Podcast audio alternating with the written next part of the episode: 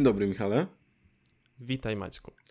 E, dzisiaj, jak już zapowiadaliśmy e, na poprzednim podcaście, e, mamy jeden z moich ulubionych tematów. Przede wszystkim dlatego, że, że jest to taka swoista kopalnia wiedzy o filmach, dla mnie przynajmniej, jeśli mówimy o listach za najlepszych po prostu filmów za dany rok. Dlatego bardzo lubię ten temat. Jara mnie też w jakiś sposób układanie tych list i tych numerków i takie, co bardziej mi się to podobało, co mniej, takie jakieś stopniowanie.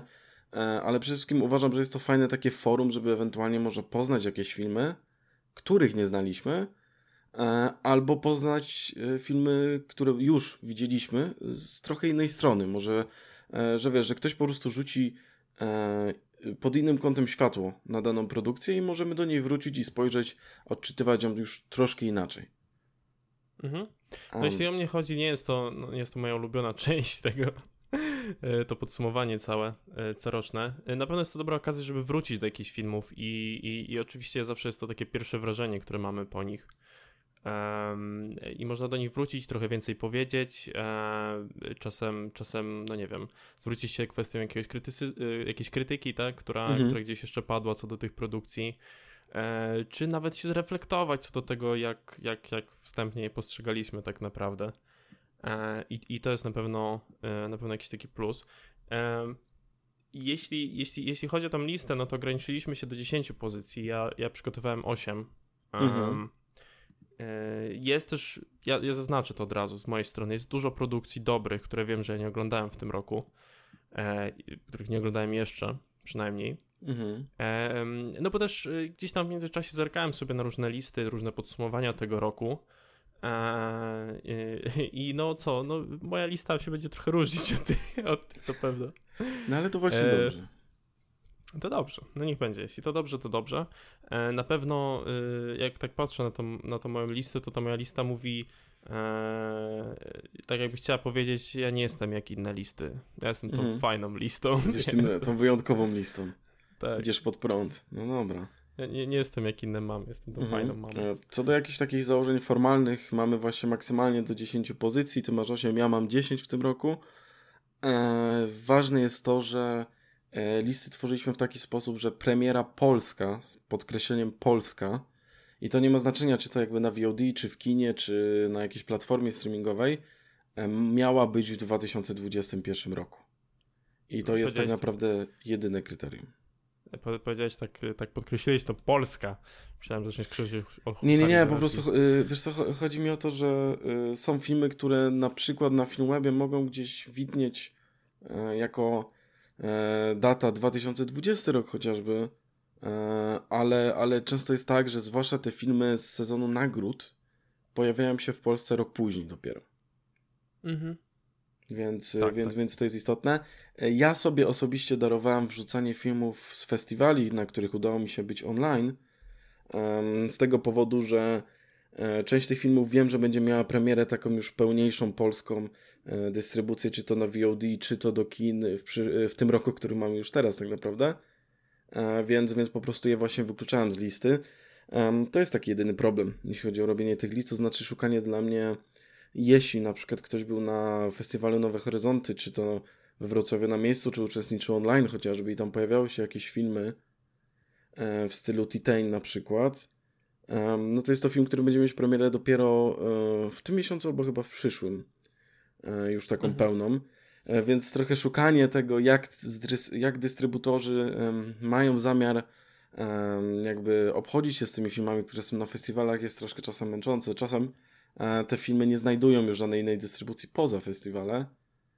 E, Ale niemniej jednak postanowiłem się tak. e, Postanowiłem całkowicie filmy z festiwali wyłączyć. Też nie byłem na wielu No, festiwalach. wydaje mi się to tym roku, konsekwentne y, też po prostu naszej formy.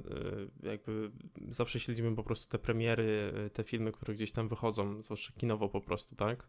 Więc... Mhm. e, e, komercyjnie po prostu. E, I no też jeśli na przykład to z mojej strony chodzi, ja, ja wiem, że, że, że siedzisz, jeśli chodzi o filmy, e, trochę bardziej w tym, tak? Natomiast ja, ja, ja tych festiwalowych produkcji raczej nie śledzę, no nie? Mhm. Tak, no ja w tym Em. roku. em, no mi udało się zobaczyć około 220 filmów, e, których nie widziałem jakby nigdy wcześniej. Nie mówię o jakichś rewatchach. E, Z czego. No mało, mało, szkoda. Tak, Szkoda, e- było tyle czasu. z, z czego z 80 to jest premiera autentycznie właśnie z tego roku, e, która miała miejsce w Polsce. E, więc miałem, miałem co wybierać i, i tak muszę powiedzieć, że znaczy staram się w ogóle zawsze powyżej 100 filmów obejrzeć, głównie dlatego, żeby mniej więcej trzymać rękę na pulsie na takiej zasadzie, żeby widzieć te trendy.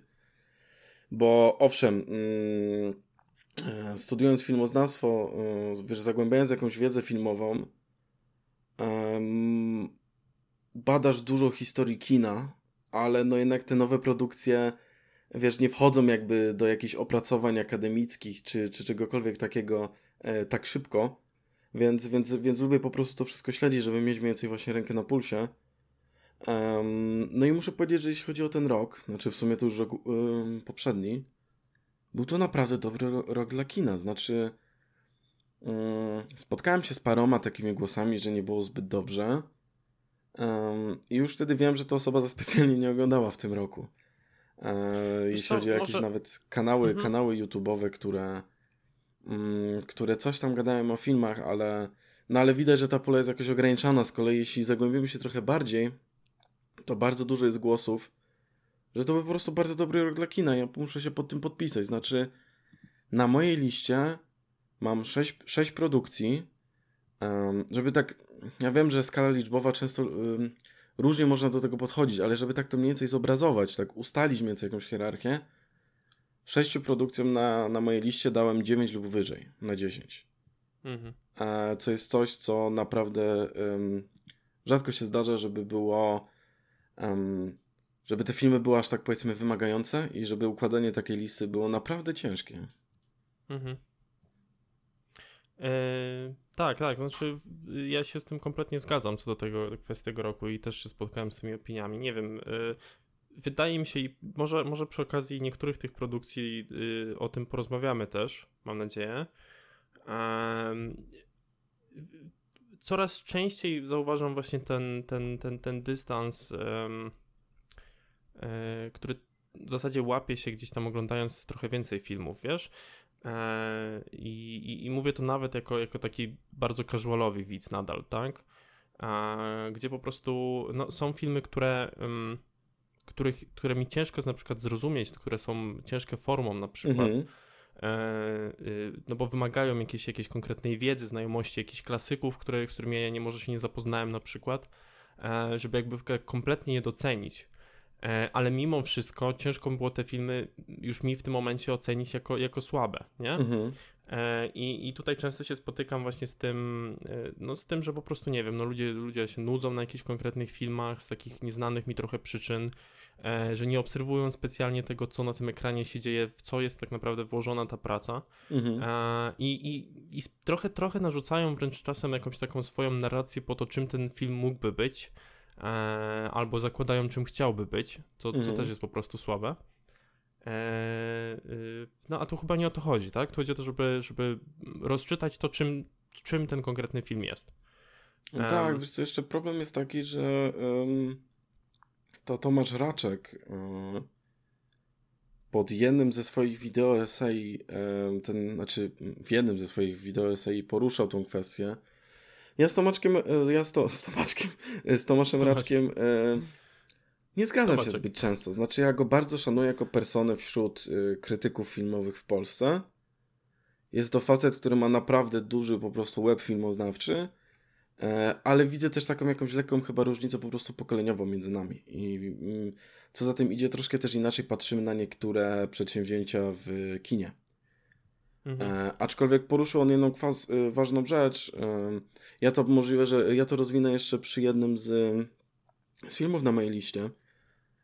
Ale poruszył kwestię po prostu tego, że ludzie, nawet tak zwani niedzielni widzowie, często nie starają się odczytać filmu. Znaczy, mm, jeśli mamy film, który na przykład praktycznie z miejsca jest już obsypywany, wiesz, masą nominacji, czy już jakichś wstępnych nagród, ten widz nawet nie stara się zrozumieć, czemu tak się dzieje, jakby co jest w tym filmie, co ten film oferuje, um, że jest tak doceniany. I nie stara się mhm. jakby go zanalizować jakkolwiek głębiej, tylko mówi, że na przykład, o, tu było trochę nudna historia, bo nie wiem, nie bili się na miecze świetlne. No i, i to jest coś, po czym ja też się muszę podpisać. Mnie też to w jakiś sposób irytuje. Um, wiem, że tam Tomasz Raczek już tak um, troszkę mocniej się nawet do tego, do tego odnosił. E, I, i, I, mówię, no i to, to jest jeden z takich problemów, który mnie naprawdę dotyka, zwłaszcza w przypadku po prostu niektórych filmów, które są kurcze naprawdę niesamowite i mają bardzo dużo do zaoferowania, a mm, tak bardzo łatwo ludzie potrafią, wiesz, y, coś pod dywan po prostu zamieść i, mhm. i dlatego, że nie wiem, że nie jest to um, blockbuster za 300 milionów dolarów i co chwilę ktoś się nie bije, to znaczy, że to jest, wiesz, coś słabego i z miejsca mhm. to po prostu tak, wiesz, odsuwamy e, i to jest duży błąd i, i to jest bardzo nieświadome i głupie oglądanie dla mnie i, mhm. i wiem, że niektórzy mm, z pewnością mogą poczuć się dotknięci, ale zrewidujmy też jakby to, to jak my postępujemy w tym, bo to nie jest tak, że, e, że jakiś film Mm, zdobywa jakieś naprawdę wielkie na przykład uznanie i dzieje się to bez powodu. Starajmy się zrozumieć, co film na przykład chce przekazać, e, jak go niektórzy odczytywają, jaki może mieć na przykład metakomentarz e, i jak to rezonuje z dzisiejszymi czasami, bo kino bardzo często rezonuje z czasami, w których po prostu dane produkcje mhm. są wydawane. Y, zostawmy ten temat e, trochę też na później. Myślę, że do niego wrócimy też przy okazji tych konkretnych produkcji. Ja na pewno bym chciał wrócić przy, mhm. przy, przy jakichś konkretnych. E, y, no i co, będziesz zaczynał. Ja y, może jeszcze tylko wyjaśnię, ja, ja ustaliłem sobie 8 produkcji, bo to jest faktycznie 8 jestem w stanie znaleźć, które e, na których temat czuję, że chcę coś powiedzieć i, i jakoś bardziej zapamiętam po prostu z tego mm -hmm. roku. E, jakimś takim, takim progiem na jakąś moją taką skalę było, było oceny 8, 8 i w górę po prostu, tak? Mm -hmm. okay, jeśli, okay. jeśli film, film gdzieś tam oceniałem na mniej, no to na tej liście się po prostu, po prostu nie znalazł. E, dobra, także śmiało, otwieraj. E, dobra, to ja najpierw dziesiątą e, i dziewiątą po prostu i, i potem ty mhm. odbierzesz, mhm. może w ten sposób. E, postaram się w miarę szybko, żeby to też nie zajmowało nie wiadomo ile czasu. Pewnie im dalej, tym bardziej będziemy to rozwijać. na miejscu dziesiątym Jeden Gniewny Człowiek. E, jest to najnowszy e, film od Gaja Riczego. jego poprzedni film, Gentlemani, to był film, który również znalazł się na mojej liście w zeszłym roku. Z tym, że jest tutaj bardzo duża różnica w stosunku do jego poprzedniej filmografii. Znaczy, wyszło. E, znaczy inaczej, jak, jak prezentowała się jego wcześniejsza filmografia? Guy Ritchie słynął z bardzo ciekawych wizualnie, montażowo e, filmów, ale jednak to były filmy w mniej więcej tym samym tonie. Znaczy, one generalnie były takimi um, lekkimi filmami, lekko komediowymi, owszem, silnie inspirowanymi takimi klasycznym e, brytyjskim kinem gangsterskim, jak na przykład Długi Wielki Piątek. Mm, niemniej jednak były to filmy, które mniej więcej um, taki odbiór czy, um, czy taki ton, w którym, w którym się poruszały, były podobne do tego filmu. E, to jest film, który mnie w pewien sposób ujął. Po pierwsze, e, znaczy głównie dlatego, że, że dostaliśmy tutaj niezwykle dojrzałego Gaja Ritchie. Dostaliśmy Gaja który jest tutaj bez jakichś takich zbędnych wodotrysków czy przeszarżowań, jak było to często wcześniej. Zamiast tego postanowił um, skupić się um, na atmosferze, która po prostu cały czas trzyma cię za gardło i nie puszcza do końca seansu. Ja coś takiego biorę w ciemno. Oczywiście nie brakuje tutaj zabawy y, z linearnością fabularną, czy po prostu sposobem narracji, to też jest w tym filmie, ale jest to taki bardzo ciekawy e, skok w bok w kontekście tego reżysera. E, na miejscu dziewiątym mam Last Night in Soho, najnowszy film Edgara Wrighta i moim zdaniem najdolżalszy film Edgara Wrighta. To jest coś, co poruszaliśmy w naszym odcinku podcastowym i do szerszego omówienia tego filmu tam serdecznie mm, zapraszam. W takim telegraficznym skrócie jest to film, który niezwykle zaskakuje wizualnie, montażowo, Mamy tutaj e, próbę odwzorowania Londynu z lat 60., tego magicznego czasu swingującego Londynu i jest to tutaj oddane świetnie. Jest to jednocześnie film, który, jak mówiłem, jest najdroższy e, z podstajni Edgara Wrighta. E, bardzo mocno rezonuje z chociażby wstrętem Polańskiego. Ja czuję tutaj bardzo silne takie wibracje z tego filmu właśnie Polańskiego. Coś, co mi się najbardziej podoba w tym filmie, to po prostu to, że Edgar Wright tutaj wszystko podporządkowuje konkretnej wizji i tej wizji trzyma się do końca.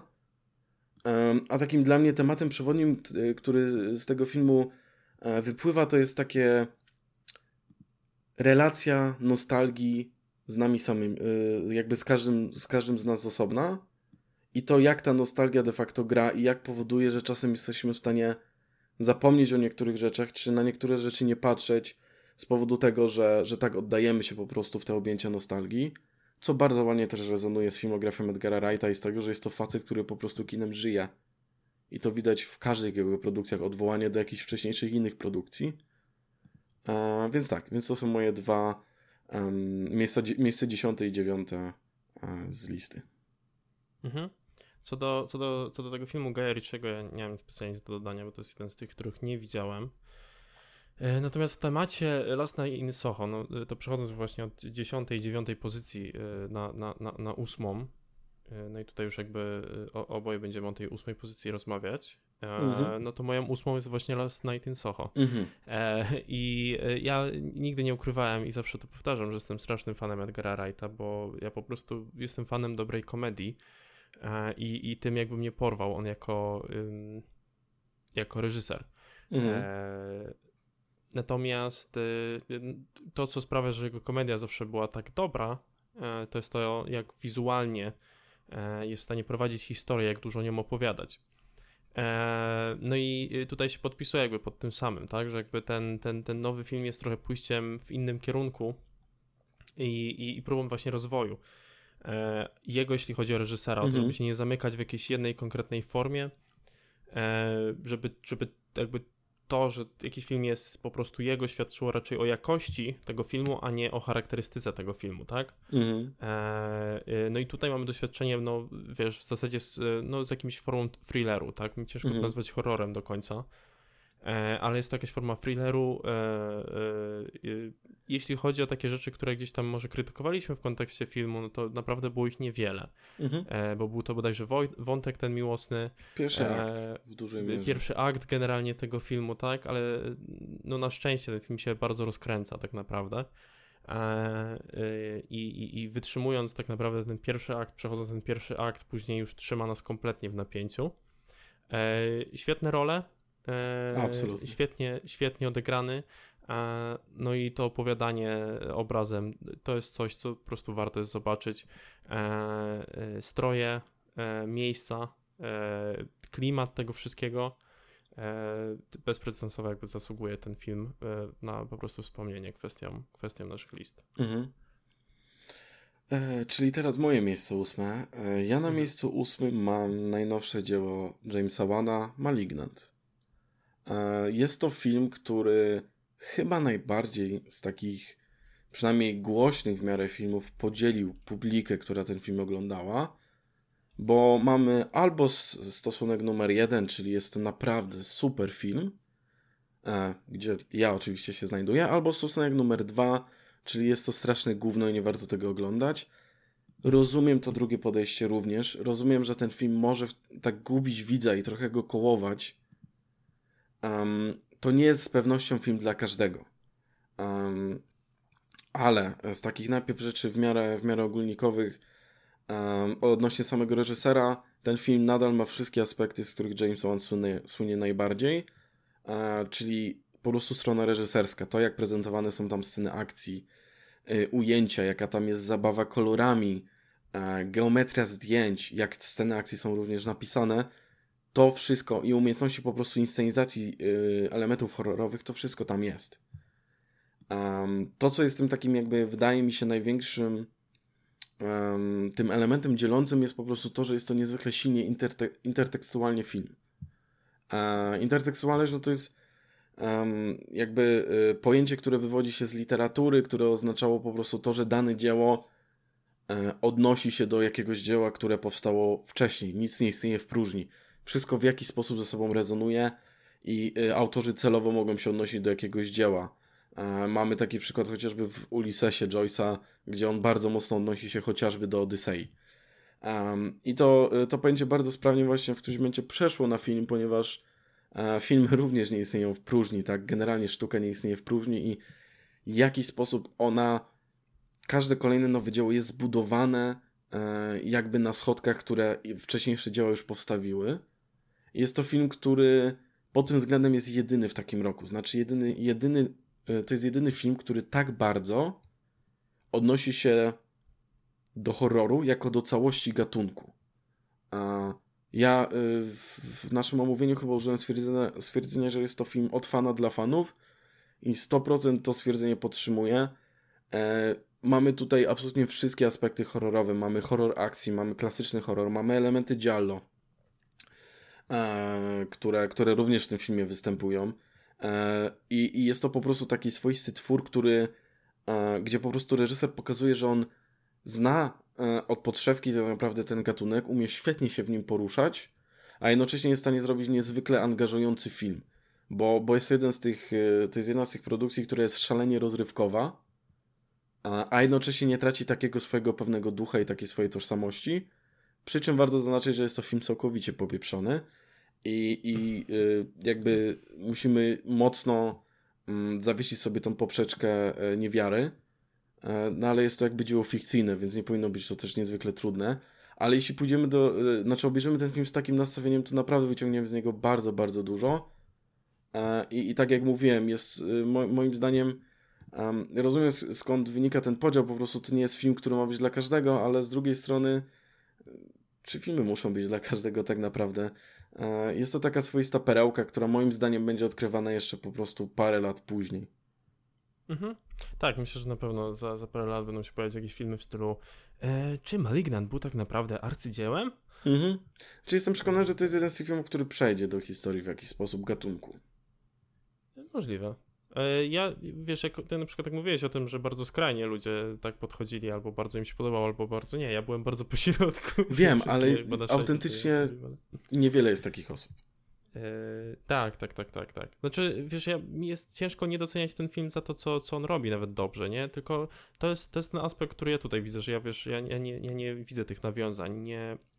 Yy, wydaje mi się, że naprawdę trzeba być fanem yy, horroru, nie? jako gatunku. Na pewno, na e, pewno. Żeby, żeby je odczytać wszystkie. Dobra, super. E, siódma pozycja. Jesteś gotowy? Żeby nie. No, trochę. ja, ja, też nie. E, coś, co, z czym się ostatnio, znaczy w ogóle się często spotykam, co nie? To jest właśnie to, jak się rozmawia w ogóle z ludźmi o, o, o filmach, że, że, że jakby Yy, bardzo często wyrzucasz coś jako, o, to jest dobra produkcja i nagle jest takie, co? No co ty? Nie, no co ty, nie ma opcji. E, ludzie są bardzo opinionated, jeśli chodzi o filmy. Tak. E, e, rzadko spędzają chwilę, żeby cię wysłuchać, jakby co do końca. Mhm.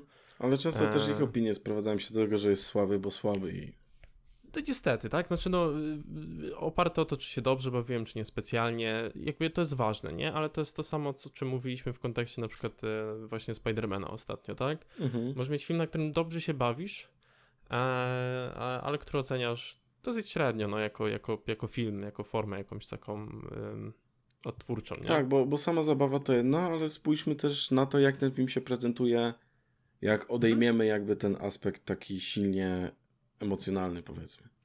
E, natomiast jest jeden film, który, y, który w tym roku wyszedł i wydaje mi się, że zwłaszcza pod kątem osób, które które mogą mieć jakiś taki e, nawet sentymentalny, czy, czy, czy taki, wiesz, emocjonalny związek, mm -hmm. nawet nie konkretnie z kinem, pozwoli im po prostu ten film docenić trochę bardziej.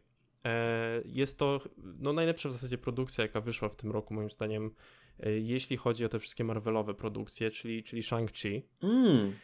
Um, okay. I postanowiłem Jezu. rzucić tą produkcję, dlatego Wiesz, czego że... się spodziewałem? No? Zanim powiedziałeś tak. MCU, myślałem, że Free Guy. A, no proszę.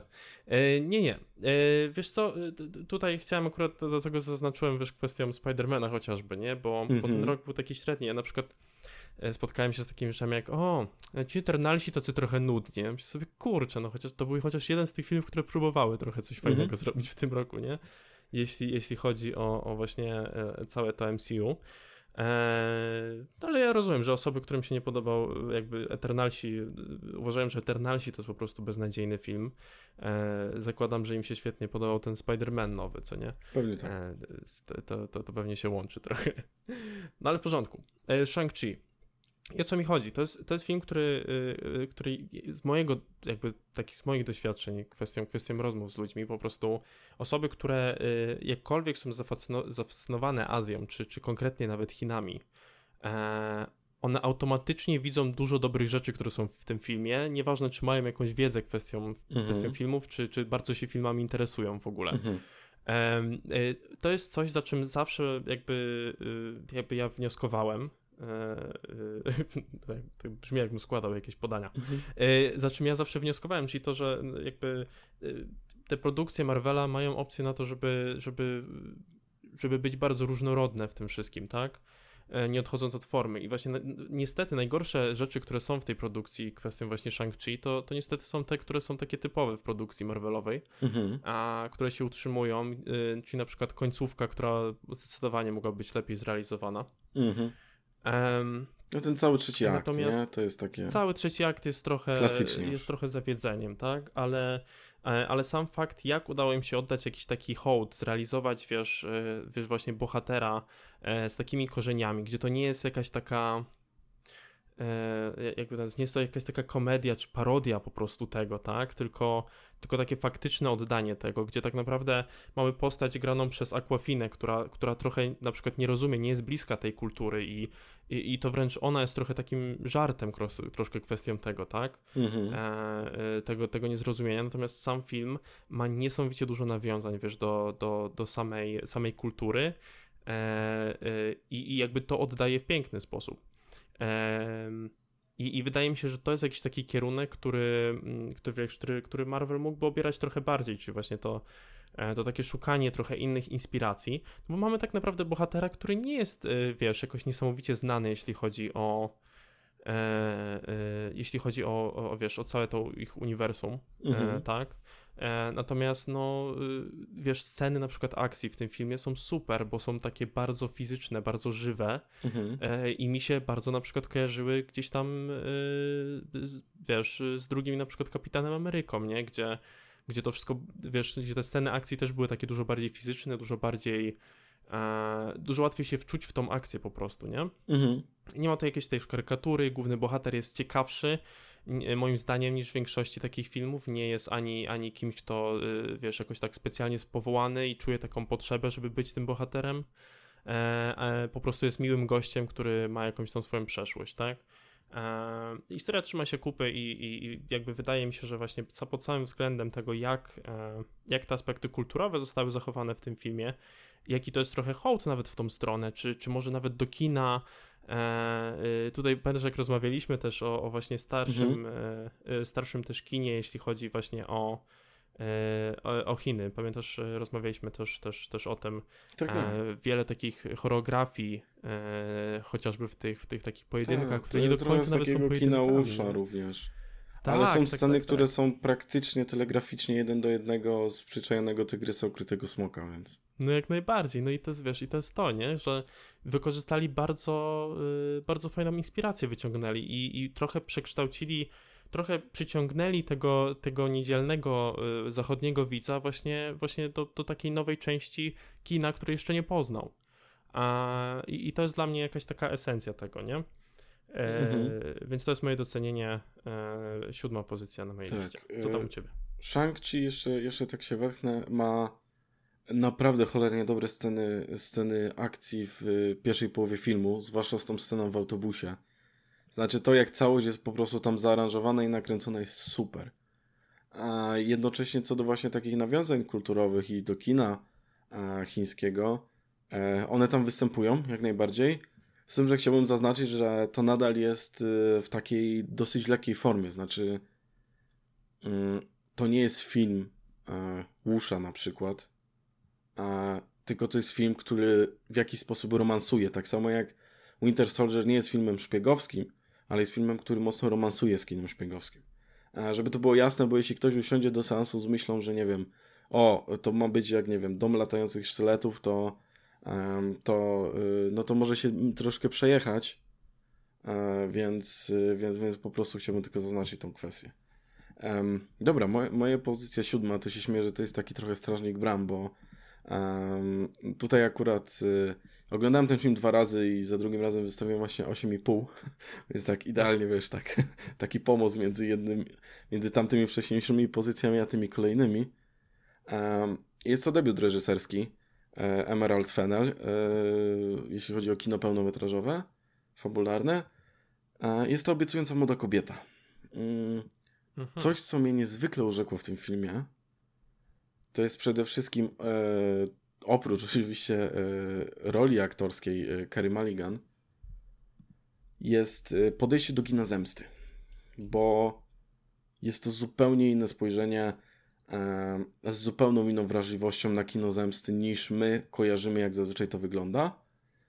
Może dlatego, że jest to po prostu reżyserka jest kobietą i ma troszkę inny pomysł na to, jak to przedstawić, bo jednak um, dużą część kina zemsty kojarzymy z Robertem Rodriguezem czy Tarantino niektórymi filmami, takimi jak chociażby Django, czy w jakiś sposób y, Bękarty Wojny. Um, ale tutaj to kino zemsty jest realizowane na, na innych wrażliwościach i w trochę inny sposób. Przede wszystkim um, ta zemsta jakby skupia się na zemście psychicznej, nie na zadawaniu takiego bólu fizycznego, tylko bólu psychicznego. Co więcej, to jak podawana jest nam historia w tym filmie, znaczy takie jakby backstory, dlaczego na przykład bohaterka, bo może jaka jest fabuła, bohaterka generalnie um, idzie, bardzo często chodzi na jakieś imprezy, udaje pijaną, wtedy jeden z tych dobrych facetów zabiera ją gdzieś do siebie do domu i jak ona jest praktycznie nieprzytomna, znaczy udaje nieprzytomną, e, chce ją wykorzystać seksualnie po prostu. I ona wtedy jakby, wiesz, przestaje udawać i, i, i tak napiętnowuje psychicznie po prostu daną tą osobę. Um, i, i, I to, co jest ciekawe, to po prostu to, że motywacje tej bohaterki um, bardzo płynnie wraz z rozwojem historii wychodzą w trakcie samego filmu. Znaczy, to backstory jest nam podawane cząstkowo, i jest nam podawany w taki sposób mocno ograniczony, ale wystarczający. I gra też na pewnych niedopowiedzeniach, że um, rozumiemy, co się stało, to nie jest wprowadzone wprost i dlatego ta tragedia w jakiś sposób może nawet rezonować z nami bardziej. Bo w, trochę bardziej możemy, możemy się z tym po prostu um, utożsamić. Więc, więc jest taki film, który też bardzo ładnie trochę wpisuje się w dzisiejszych czasach a propos takiego, wiesz, takiego casualowego seksizmu, nie? Że nie wiem, przychodzi jakaś ładna dziewczyna ulicą, to są sytuacje, że wiesz, ktoś ją wygwizda i tam zacznie, wiesz, rzucać jakieś takie nieprzyjemne bardzo komentarze. I na przykład bohaterka w tym filmie wtedy zatrzymuje się i się na nich patrzy, nie? I od razu widzimy, jak te osoby się totalnie rozsypują, jeśli ktoś zaczyna działać, wiesz, tak poza tymi normami, które w jakiś sposób są przyjęte i utarte, co jest w ogóle straszne. E, więc, więc jest to naprawdę takie mocne kobiece kino zemsty, inne niż to, do którego przywykliśmy co mnie bardzo cieszy, bo ja lubię różnorodność w kinie. Mm, I taki w prosty sposób krytykuje kulturę milczenia i ten właśnie seksizm, ale, e, ale niemniej jednak to tutaj działa. Oprócz tego film można w pewien sposób podzielić na jakieś takie segmenty, znaczy mamy takie segmenty, gdzie ona jakby rozlicza się z niektórymi osobami z przeszłości. Mam tutaj segment, gdzie na przykład w, w takiej mikroroli mamy Alison Brie czy um, Jennifer College, E, ale takim tym krótkim segmentem, który mnie najbardziej urzekł, to jest segment z Alfredem Moliną, gdzie on gra tam jakby prawnika, który, e, który po prostu w jakiś sposób powiedzmy zastraszał kobiety, żeby wycofywały pozwy przeciwko jakimś, wiesz, nie wiem, bogatym na przykład lekarzom, czy, czy, czy komuś w tym stylu. I ten jego, ta jego, to jego mikrowystąpienie i ta postać, którą on gra, bardzo ciekawie rezonuje z całym, całym w ogóle w tym filmie E, i, i, i, pokazuje jakby też trochę taką drugą stronę medalu. I nie chcę iść w to dalej, to jest też w ogóle bardzo dobrze zagrane. Um, ale, e, ale jak mówię, e, po prostu warto, warto ten film zobaczyć. Sama bohaterka jest też ciekawie skonstruowana, bo poznajemy ją na początku i mamy wrażenie, że ona um, generalnie ma wszystko przemyślane, ma całkowitą kontrolę nad sytuacją i w trakcie filmu widzimy takie małe wy, wymały, yy, znaczy yy, wy, wymały, nie wiem co ja powiedziałem, takie wyłamania po prostu z tego, mhm. że, yy, że ona po prostu w którymś momencie, wiesz, gniew bierze górę i nie wiem, rozwala czyjś samochód albo nie wie jak zareagować na, na jakąś sytuację, która miała miejsce. Więc, więc jest to po prostu też bohaterka z krwi i kości.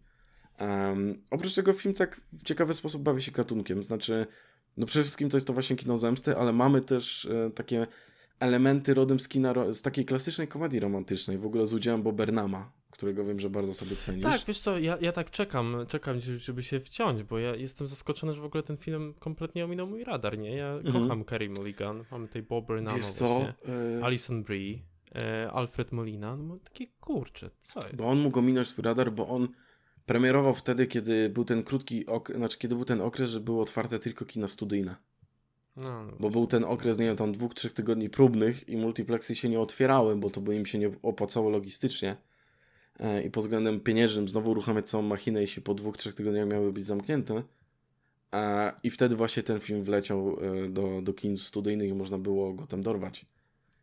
Więc tak, jest to film, który Wam naprawdę cholernie polecam. Jest to jeden z ciekawszych filmów w tym roku. Z bardzo ciekawą również końcówką, tak swoją drogą. I tak, całościowo jest to film, który trzyma się kupy od początku do końca. Mhm. E, super, ja na pewno sobie nadrobię. E, bo to brzmi jak produkcja, która na pewno by się znalazła na mojej liście. E, no ale dobrze, przechodząc do szóstej pozycji. E, wspomniałeś już o tym, więc ja może zacznę dalej. E, to, to, jest film, na który ja przyszedłem z taką, e, z taką wręcz wewnętrzną potrzebą, żeby go nienawidzić trochę. E, tak mi się zapowiadał i, i tak miałem wrażenie, że będzie wyglądał. E, natomiast ostatecznie okazał się być dobrym filmem. I teraz chciałbym też zaznaczyć, o co mi chodzi przez, przez dobry film. E, chodzi mi o to, że to jest taki najbardziej, e, powiedzmy, nie wiem, jest to, jest to film z gatunku tych, które są mega takie familijne, nie? Mhm. Jak można na niego przyjść, po prostu możesz, możesz sobie oglądać go z całą rodziną, ten film jest lightowy, on nie ma ci zaskoczyć czymś, specjalnie. E, on ma być jakąś, jakąś dobrą rozrywką, e, w fajny sposób zrealizowaną, z historią, która trzyma się kupy, e, e, osadą, osadzoną w jakichś takich e, w jakimś takim, też takim dosyć ciekawym jakby konceptem, do którego zaraz przejdę. No i mówię o tym filmie, o którym jakby wspomniałeś, czyli o, o Free Guy. Mm, okay. No to jest film, który jakby zapowiadał się na to, że on będzie beznadziejny, tak? Absolutnie. Mamy streamerów, którzy są wrzucani w to, trailery, które są trochę takie nijakie. E, kto już nie, wcześniej nie próbował robić jakiegoś takiego e, filmu, który ma nawiązywać do, do w ogóle świata gier. E, no ale to, co dostaliśmy, to jest taki naprawdę taki niepretensjonalna, dobra rozrywka, która jest prowadzona przez całość tego filmu. I, I to, za co ja bardzo doceniam ten film, tak przy okazji tego, tak? E, to jest to, że to jest e, w porównaniu chociażby do Ready Player One taka faktyczna, dobra adaptacja e, no pewnego rodzaju jakby świata gier, co nie? Tego community, mhm. tego jak, jak, jak to wygląda. Oczywiście głównym takim nawiązaniem, które nie jest takie bezpośrednie, jest oczywiście Grand Theft Auto, nie? No tak. które też Grand Theft Auto, jakby GTA Online to, to, to jest w ogóle behemoth straszny, nie? Ludzie w to grają do dzisiaj, pomimo tego, że ta premiera była lata temu. E, natomiast ta otwartość tego świata, jakoś to, że można w jakiś inny sposób do tego podchodzić, ludzie roleplayują sobie w tym i tak dalej. E, tutaj te wszystkie takie aspekty growe są takie y, believable, tak? One nie są, nie są pretensjonalne. To nie jest wrzucamy sobie Sonika na 3 sekundy, żeby, żeby go zobaczyć, żeby wszyscy mieli wow, jak super. E, jak, to, jak to chociażby było w Ready Player One, nie? To tutaj, tutaj faktycznie jest jakaś oddana jakaś taka esencja tego. I, I dzięki temu jakby film jakby sam zyskuje tym bardziej, no bo jak sobie myślę o tym, wiesz, o, o, o, o młodszych osobach, które, no stary, gdybym ja był, był naprawdę, wiesz, e, teraz dzieckiem, mhm. e, to ja bym się jarał strasznie na ten film, tak? Nie, nie mhm. ukrywam, nie? No bo, bo mając, mając doświadczenie z tego, wiedząc, jakby mając przedstawione na ekranie coś takiego bliskiego, nie? Mhm. A, co mogło być bliskie, tak? Czyli, czyli właśnie jakby ten świat gier a, i tu właśnie przedstawiony w takiej formie, a, zrealizowany jako dobry film, no to ja bym się strasznie, strasznie z tego filmu cieszył. no ale poza tym jakby jest to dobra rozrywka generalnie dla, dla, dla osób w każdym wieku, nie? E, oczywiście mówię to z małym takim przymrużeniem, no bo tak jak mówię, no nie jest to film e, najbardziej sensacyjny, nie ma tu jakichś niesamowitych plot twistów, e, nie jest to jakiś dramat, to jest film familijny. Mhm. To jest mhm. film e, 8, nie? Mhm. E, e, więc, więc jakby bądźmy świadomi tego, czym to jest, ale jak już jesteśmy świadomi, czym to jest, to doceńmy to za to. E, jest dużo takich ikonicznych scen, które się w trakcie tego dzieją. E, już nie mówiąc o tym, że fajnie, że udało się tam nawiązać na przykład, nie wiem, do, jakieś do Marvela, czy, czy, czy, czy jakieś takie, no, takie małe rzeczy to. po prostu. Jest ta jedna scena, która jest e, tam, poczekaj, jakaś scena, która nazywa, to był ten Chris, Chris Evans. Chris Evans, tak, który się tam pojawia na sekundę, ale jest to zrobione jakoś, nie wiem, tak, tak wholesome, jakoś nie, nie czuję w tym tego tego czegoś, co bardzo często czuję ostatnio w produkcjach na przykład właśnie Marvelowych, tak? Czyli tego, że e, że czasem te nawiązania są aż takie pretensjonalne, brane jako taki standard, że, że o, to się spodoba. Mhm. E, ja naprawdę mam wrażenie, że, że osoby, które produkowały ten film wraz, wrazem jakby z, wraz jakby z głównym aktorem, który, który tutaj grał, czyli... Mhm. Ryanem Reynoldsem. Ryanem Reynoldsem, który, jak już mówiłem, to jest ostatni jego film, kiedy chcę go widzieć dosłownie grającego siebie. Ale, Ale, tutaj nie gra tak siebie, znaczy... Nie jest aż tak źle, no. Nie jest aż tak źle. Tak pół na pół.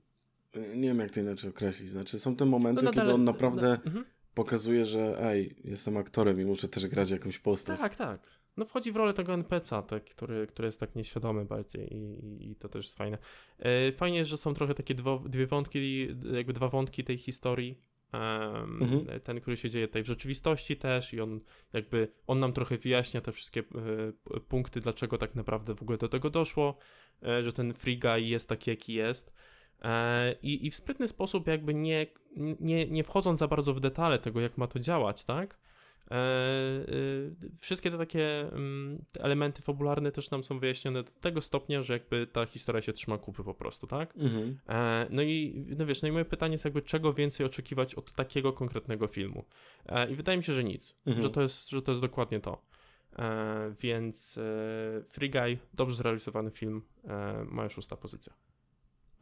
Free Guy jest też ciekawy, bo E, może nie jest to film, który bazuje konkretnie na jakiejś grze. Znaczy, nie jest to film, nie wiem, e, Resident Evil czy, czy coś takiego. Um, ale no doskonale wiemy, że generalnie filmy na bazie gier nie są zbyt dobre. Znaczy, znacząca większość um, tych, tych filmów po prostu jest kiepska. I nie mówię to z perspektywy fana jakiejś serii, tylko z perspektywy filmoznawczej te filmy po prostu nie dostarczają na naprawdę wielu aspektach. I o ile Ostatnio to się zmienia, znaczy mamy filmy, które mm, ok, są nadal średnie, ale są już wyższe, lepiej, y, lepiej jako film mm, się pokazują niż, niż te filmy, które były wcześniej, to wydaje mi się, że Frigal jest takim, Frigal jest takim pierwszym solidnym tupnięciem i pokazaniem, że, um, że, że jakby y, z filmów, które nawiązują do gier, czy, czy są na bazie gier, można wyciągnąć naprawdę dużo. Mhm. Jeśli się chce. Tak, tak, jak najbardziej. I swoją drogą, to nie jest jedyna taka produkcja w tym roku, która to udowodniła, bo wyszedł też serial e, Arkane, który był trochę też innym no tak, podejściem od, tak, od tak. kompletnie innego tego. To też udowadniało to, że, że da się, da się z tego wyciągnąć, że da się z tego medium e, przejść, e, z tego interaktywnego medium przejść na to, na, na, to wizualne oglądane. Tak? Mhm. Dobra, moja pozycja szósta tutaj chciałbym właśnie zaznaczyć jeszcze raz, tutaj u mnie zaczynają się właśnie dziewiątki albo wyżej, e, z tym, że pierwsze cztery pozycje nadal bym y, oddzielił od piątego i szóstego. E, no znaczy, dobrze. o ile piąty no i szósty mógłbym czasem może zamienić w zależności, wiesz, od, y, od dnia, o tyle reszta jest mocno ugruntowana. Bez zbędnego przedłużania na szóstym miejscu mam Sound of Metal. Mhm. Czyli pierwszy Pia piasek film... Piasek metalu. Pia tak? Nie. Co? Nie? Czyli taki słuchy ten. Um, czyli film, e, pierwszy film, który e, było dane mi i chyba tobie też zobaczyć e, w kinie e, w tym roku. W kinie studyjnym oczywiście. Bo to też był ten okres właśnie e, tych otwarć tylko kin studyjnych. E, I to był taki duży punkt zwrotny w tym roku. Znaczy, do Sound of Metal ten rok prezentował się naprawdę kiepsko. Mieliśmy, e, owszem, nie trwało to długo jakby, ale dużo filmów po prostu, które um, premierowały w tym roku do momentu obejrzenia przeze mnie Sound of Metal, były kiepskie. Albo co najwyżej niezłe. I tak troszkę nosiłem się z tą myślą, nadal, no to było wcześniej, bo to była chyba końcówka lutego, może początek marca, kiedy ten film widzieliśmy um, to, to nosiłem się z taką myślą, że oj, ten rok chyba nie będzie się zbyt dobrze zapowiadał, jak tak dalej pójdzie. I dostałem takim potężnym plaskaczem w twarz, bo jest to film absolutnie niesamowity. Um, jest to opowieść o perkusiście, o perkusiście jakby zespołu metalowego, który po prostu traci słuch i, i musi się w jakiś sposób z tym zmierzyć. Traci go nagle i traci go bardzo szybko. A za co tak naprawdę najbardziej kocham tą historię, bo ponownie ten film omawialiśmy dosyć obszernie e, w, w jednym z naszych właśnie odcinków podcastu, um, najbardziej urzeka mnie skromność tej opowieści. Znaczy to, że nie potrzeba grać na takich tanich, e, melodramatycznych, bardzo takich e, wrzucających ci się w twarz zabiegach, czy to montażowych, czy scenariuszowych, czy dźwiękowych, e, żeby złapać cię za, za serce. E, wystarczy po prostu przedstawić opowieść z dobrym scenariuszem i nie trzeba się silić na jakieś takie tanie półśrodki, żeby tylko podbić, żeby wymusić w tobie na przykład płacz. Um, I ten film po prostu tą prostotą i taką spójnością i, i takim spokojem gdzieś wewnętrznym mm, w opowiadaniu tej historii um, sprzedaje jakby siłę tego przekazu, siłę tego, co dzieje się na ekranie 100 razy bardziej niż niejedne jakieś melodramaty, czy właśnie takie filmy, które na jakieś takie tanie za, zabiegi się bardzo silą. E, mamy tutaj świetne występy aktorskie. E, Riz Ahmed po prostu e, jest mi bardzo smutno, że nie dostał Oscara w zeszłym roku za rolę pierwszoplanową. Był nominowany, nie udało się dostać tego Oscara, ale takim moim gdzieś małym odkryciem jest Paul Rassi, którego ja za specjalnie nie kojarzę z innych ról, a jest to facet, który tutaj w roli drugoplanowej absolutnie po prostu zniszczył wszystko. Znaczy on kradł sceny, w których się pojawiał. E, miał mhm. postać niełatwą do przedstawienia, bo miał postać w jakiś sposób mentora dla naszego głównego bohatera, ale nie takiego klasycznego, który jakby wiesz, wie wszystko, zjadł zęby na wszystkim i jest tym takim męt, mędrcem. To jest bardziej facet, który a, w pewien sposób ledwo co trzyma się na powierzchni. I to, co jakby powoduje, że on na tej powierzchni się utrzymuje, to jest to, że czuje, że musi zająć się innymi. I masz taką jedną, dwie sceny takiego minimalnie pęknięcia u niego, które są niesamowicie odegrane i są kluczowe w ogóle dla tego filmu. E, oprócz tego film nie jest banalny, znaczy to mm, historia, jaka dzieje się z bohaterem, ona nie jest e, tak negatywnie bym ujął y, hollywoodzka. E, nie jest, nie kończy się jakby takim klasycznym happy endem, jakbyśmy to widzieli.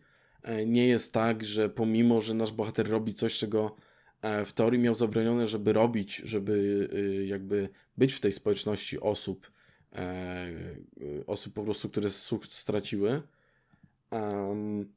To nie jest tak, że on potem jest z otwartymi rękami przyjęty na przykład z powrotem i nic się nie stało czyny tutaj mają konsekwencje. Ale coś, co najbardziej mi się podoba, to jest po prostu przedstawienie w tym filmie tego, że e, utrata słuchu nie jest niepełnosprawnością. I, I po prostu nie musi być. Możemy z niej wyciągnąć coś innego w jakiś inny sposób, ale nie jest to tak na siłę moralizatorsko y, przedstawione. Mhm. Tak, no jakby o, o Sound of Metal rozmawialiśmy dosyć długo. Yy, więc też zachęcam do, do, do jakoś powrotu, do spojrzenia na ten, na ten materiał, yy, bo, bo jest naprawdę dużo aspektów, które yy, pod, pod, pod którymi no gdzieś tam podobał nam się ten film i, mhm. go dosyć mocno doceniliśmy też. No i tak, jakby rozpoczął taki sezon dobrych filmów po prostu w tym roku. Autentycznie dla nas, więc, więc tak. Zmierzamy teraz do piątej pozycji. No i tutaj widzisz, ja teraz ci, poka- właśnie teraz ci pokażę, że e, nie jestem jak in... no moja lista nie jest jak inne listy. To jest fajna lista. E, piąta pozycja to jest e, mój film animowany tego roku. Mhm. I to jest film, który mnie kompletnie zaskoczył. My o tym filmie nie rozmawialiśmy za specjalnie, znaczy przynajmniej nie, nie w ramach podcastu.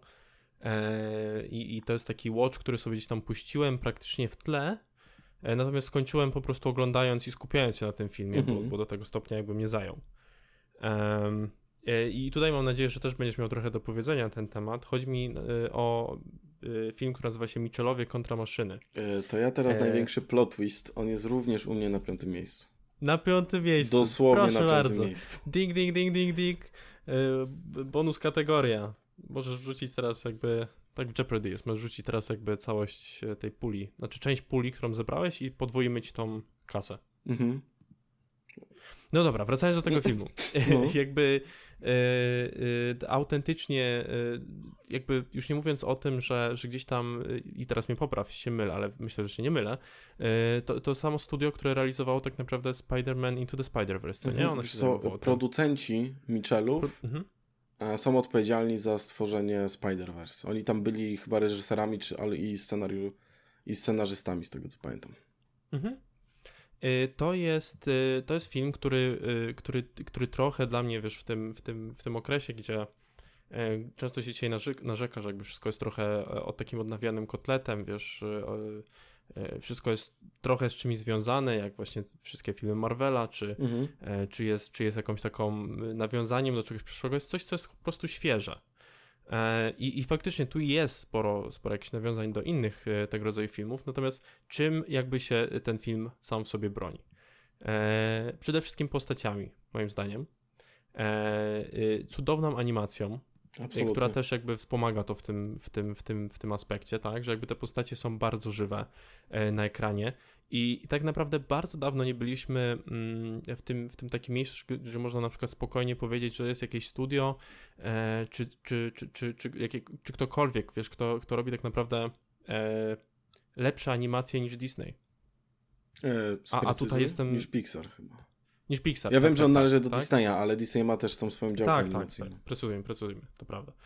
Co nie należy teraz do Disneya dzisiaj. No, w każdym razie, w każdym razie, e, w każdym razie, e, tak, niż filmy, które są realizowane przez Pixara, nie? Mhm. E, a tutaj to się kompletnie sprawdza i nie dość, że wiesz, oni wrzucili tutaj trochę taką inną, trochę swoją taką kreskę, e, taki akcent pod to wszystko, e, no to tak jak mówię, fakt, że, że ta animacja jest tak, tak piękna, tylko idzie w, w parze po prostu z tym, jak te, jak te postacie są napisane same w sobie. Mhm. E, Coś, co, co mi się osobiście bardzo podobało, no bo tutaj oczywiście historia jest taka, e, taka dosyć prosta, e, znaczy do pewnego stopnia, tak, jest dosyć prosta, e, tak samo jak jakieś lekcje, które się wyciąga z tego filmu, e, e, tak samo jak na przykład w przypadku, wiesz, Free Guy'a, o którym rozmawialiśmy, tutaj jakby wiadomo jest, e, jak- jaki jest mniej więcej target, target grupa, e, jeśli chodzi e, o ten film. E, Natomiast tak samo jak w przypadku właśnie Free Guy'a, wydaje mi się, że to jest taki film, który może oglądać sobie cała Znaczy rodzinka. właśnie mi się wydaje, że E. oni wyciągnęli z Pixara to, co najlepsze, czyli historia, która bawi dzieci, ale również dorośli siedzący na kinie mogą z niej wiele wyciągnąć. Mhm. E, Coś, coś na co, co, co mocno ja zwróciłem uwagę, to to na przykład, że e, nie idzie ta, ta, ta historia w stronę tego, e, to, to, to co się bardzo często zdarza, że, że masz takie no to ten, ten rodzic nie rozumie dziecka i on musi to dziecko zrozumieć, nie? Mhm. Tutaj wszyscy mają trochę problem z komunikacją, Mhm. wszyscy trochę się nie rozumieją i wszyscy trochę muszą zrozumieć, o co chodzi w byciu rodziną tak naprawdę. Tak, to nie jest tylko tak E. jednostronnie pokazane, nie? Z takiej jednej tylko perspektywy. Mhm, tak, tak, zdecydowanie. I to jest fajne. I to jest fajne właśnie z perspektywy y, no, tego, ile ten film tak naprawdę ci wnosi pod koniec dnia, nie? E, bo, bo tak samo jak, jak, jak właśnie dziecko wyciągnie z tego lekcję jakąś, to, to wydaje mi się, że dorosły tym bardziej tak samo, tak? Więc jakby kwestią tej, tej, tej, tej jakby fabuły, no tak to brzmiało tak trochę moralitor... Mora, no, e, trochę, trochę tak zbyt ten, ale chodzi mi, chodzi mi dokładnie o to, tak, że jakby e, wyciągasz coś z tego e, bez, bez w zależności od tego, w jakiej perspektywie się znajdujesz, tak, ty sam e, po prostu, jako osoba. No i wracając do animacji, humor e, świetnie utrzymany. E, no i co? Chciałbyś coś, coś jeszcze? E, Tak, no wiesz co, no, Coś- coś znaczy, jeszcze? tak też trochę podsumować, jest to film, który klika na bardzo wielu poziomach. Znaczy, e, mamy ten humor, gdzie jakby podbudowa do jakiegoś żartu, czy moment, w którym ten żart ma zostać rzucony, jest praktycznie idealnie dopracowany w każdej sytuacji. E, mamy właśnie takie, e, owszem, archetypy jakiejś postaci, e, ale niebanalne jest to, że właśnie ta historia nie jest tylko i wyłącznie z jednej perspektywy, co, co poruszałeś wcześniej. No i ta animacja jest super, bo jeżeli jest coś, co jest trochę dla mnie taką bolączką Pixara, oprócz tego, że owszem, Pixar zawsze robi filmy, które nie spadają poniżej pewnej jakości, to raz troszkę zaczynają być już robione tak od sztancy pod względem e, scenariuszowym, a dwa em, animacja Pixara, znaczy to są filmy, które animacyjnie każdy film Pixara jest strasznie do siebie podobny pod względem animacji. I to zlewa je trochę w jedno. I nawet jak mieliśmy Soul, e, co w duszy gra w tym roku, z świetną muzyką jazzową, od chyba Johna Batiste, to, e, to jednak ta animacja, wiesz, to wszystko zlewa się znowu troszkę w jedno i, i to, owszem, to był bardzo dobry film, ale Mitchellowie jakby mają dużo więcej takich jaśniejszych punktów, nawet jeśli e, nie wiem, gdyby wszystko, wiesz, zrównać do jakiejś jednej linii, jakąś poziomicę postawić, to Pixar częściej jest prosty, o tyle właśnie te wyboje powodują w Mitchellach, że, że jest to po prostu ciekawszy i bardziej angażujący seans niż, niż spora część jakichś filmów Pixara, nawet tych właśnie e, lepszych. Ta animacja tutaj wygrywa absolutnie, znaczy no ona jest też e, pewnym sposobem opowiadania e, narracji, znaczy prowadzenia narracji w tym filmie. E, jakieś to wiesz, takie minimalne dorysowania inną techniką animacyjną żeby ukazać jakieś takie, wiesz, przemyślenia wewnętrzne, czy jakieś opinie wewnętrzne danego bohatera. Jest tutaj dużo takich mikroelementów, które składają się na, owszem, prostą historię, ale obudowaną ciekawymi po prostu rzeczami. Mhm. E, tak, no i oczywiście e, tutaj się trochę, jak zacząłem przejęzyczać i się trochę pogubiłem w tym, co chciałem powiedzieć, tak, ale oczywiście chodziło mi o to, że jakby nie prawie jakichś morałów konkretnych ten film, mhm. tylko po prostu Y, pokazuje nam tą konkretną historię, to jak ten konflikt w tym filmie wygląda z różnych perspektyw. Y, I każda jest ważna. E, e, więc tak, no i animacja, y, po prostu chęć jakby może zrobienia czegoś, czegoś nowego. Może faktycznie jakby Pixar już, już trochę wpada w ten problem, że e, że gdzieś tam nawet po prostu jest łatwo przewidzieć, w którą stronę ta historia pójdzie, nie? Tak, tak. No wiesz, może też po prostu producenci troszkę tępią jakąś kreatywność, nie wiem, no ale Y, no te filmy, mówię, one nadal mają dobry poziom. Mm, tylko problem jest taki, że one troszkę zaczynają zlewać się w jedno. Mhm. No dobra. To twoje czwarte miejsce do, w takim układzie. Do czwartej, ciekawe, nie, nie wiem, czy się tutaj powtórzymy jakoś. Um, czwarta pozycja, jeśli o mnie chodzi, to Green Knight. Mhm, okej. Okay. E, film, który zakładam, że dużo osób wrzuci jako, jako taką najfajniejszą produkcję tego roku, e, jeśli chodzi o o samą jakość tego filmu I, i coś, co podkreślaliśmy, w zasadzie ty podkreślałeś, ja teraz cytuję, więc też jestem mądry, to jest to, e, jaki był niski budżet tego filmu, jak dobrze po prostu został produkcyjnie zrealizowany, jak na to, ile, ile faktycznie kasy dostał ten film, nie? Mhm. Bo on się prezentuje świetnie, a, a, a jakby patrząc na budżet, no wcale to nie pokazuje, że tak, tak, tak by było, nie? Mhm. Coś, z czym ty i ja się spotkaliśmy, to to, że yy, nikt nie czai o co chodzi z tym filmem. E, no i słyszysz głosy w stylu, no to było jakieś takie nudne. Albo, ale o co chodziło? Jaki jest w ogóle morał całej tej historii? Mhm. O co, czemu, czemu to... No może nie ma żadnego morału w tej historii. I może jakbyś, y, no nie wiem, może jakbyście oglądali ten film, to może nie byłby aż tak nudny, bo, bo jakby wizualnie nawet e, pod względem opowiadania tej historii i, i, i tego, jak nas ciągnie przez tą taką powieść, tak? Mhm. E, taką, taką epicką podróż. E, to samo w sobie jest dosyć oryginalne i dosyć ciekawe, jeśli chodzi, jeśli chodzi o samo kino. Mm, ja, ja, też jak o tym rozmawialiśmy, ja pamiętam, że mówiłem ci, że właśnie dosyć dawno e, no dosyć dawno nie widziałem takiego filmu, który tak mocno mnie wciągnął w, jakąś takie, w jakieś takie fantazy, tak? E, I to jakby nie, nie jest tego, nie jest sam cel tego w tym, w tym wszystkim, tylko po prostu jest bardzo konsekwentny ten film pod tym względem. No i wszystko jest takie, takie mistyczne, nie? Takie niedopowiedziane. E, jest w tym filmie niesamowicie dużo symboliki. Mhm. jedyne, co, co, co gdzieś, tam, gdzieś tam mnie odrzuciło kwestią tego filmu, czy, czy jakoś oceny lepiej może, czy wrzucenia go, tego filmu wyżej, mhm.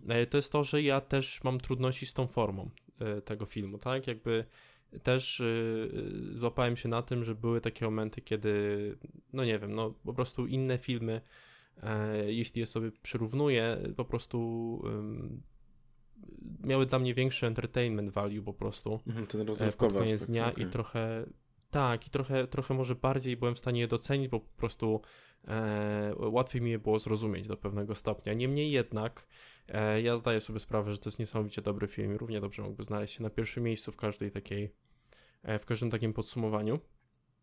E, co więcej, ja mam, mam, mam dużą ochotę też wrócić sobie do tego mhm. filmu, i spróbować do niego podejść, podejść też jeszcze raz, może zra, wiesz, jakoś zewaluować jeszcze raz. No ja na Blu-rayu będę musiał sobie wyczaić, jak już leci. No i wtedy ja dopiero do ciebie pożyczę. To będzie, to będzie ten moment. E, dobra, co, co jeśli chodzi o ciebie? Wiesz co, ja na czwartym miejscu um, mam film, który przez pewien czas myślałem, że będzie na, y, na pierwszym w pewnym momencie.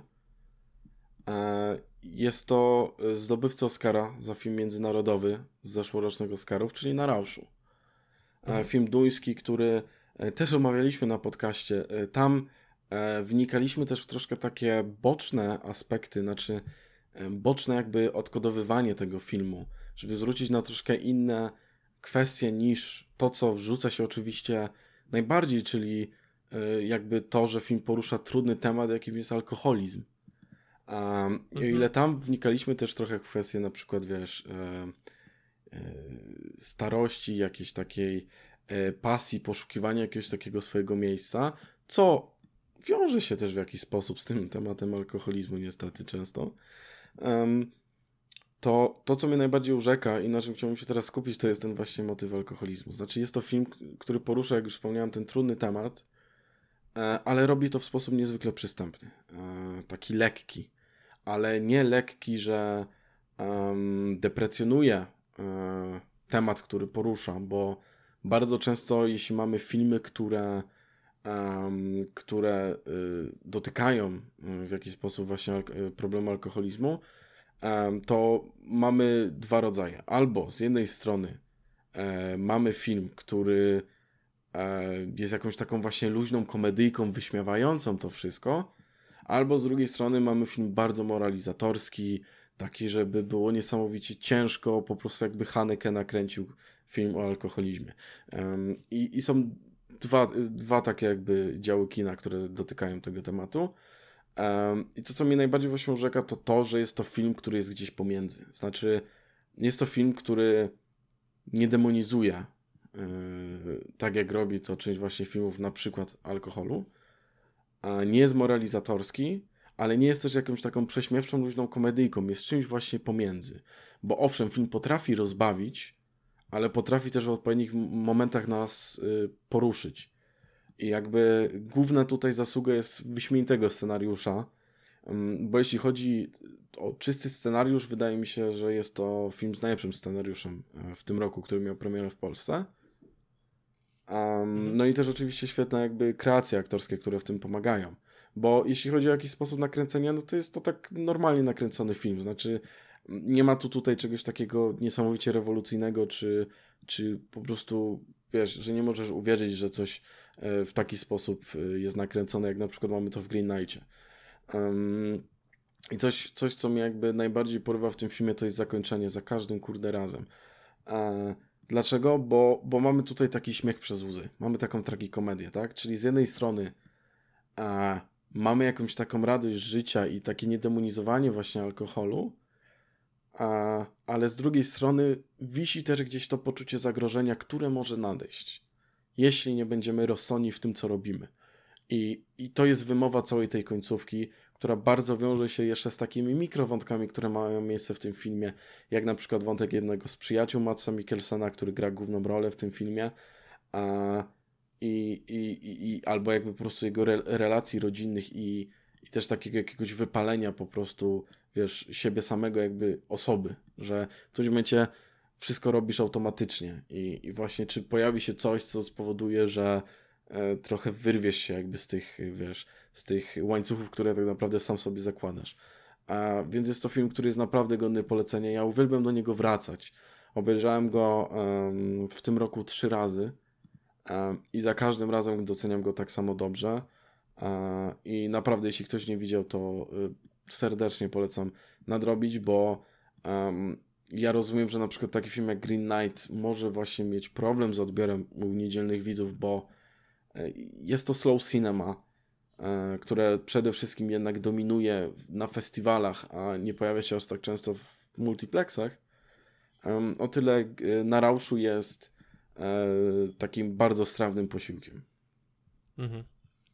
E, tak, no właśnie, no, tak pamiętam, że właśnie w trakcie rozmowy o tym filmie to bardzo się skupiliśmy właśnie na tym, tym takim przemijaniu trochę, yy, no bo, bo nie, nie ukrywajmy, no to jest jakby to też jest taki dosyć spory motyw, nie? Tak, tak, filmie... ale też każdy po prostu poruszał tylko i wyłącznie ten motyw alkoholizmu. Ale chciałbym go tak. też tutaj wyróżnić, bo, bo, bo no jest ważny w tym filmie po prostu. Nie, no jasne, jasne. Yy, I też wydaje mi się, że dosyć ciekawą w sumie robotę zrobił, yy, zrobiły trailery tego filmu, bo, bo, bo on nawet sprzedaje wręcz taką.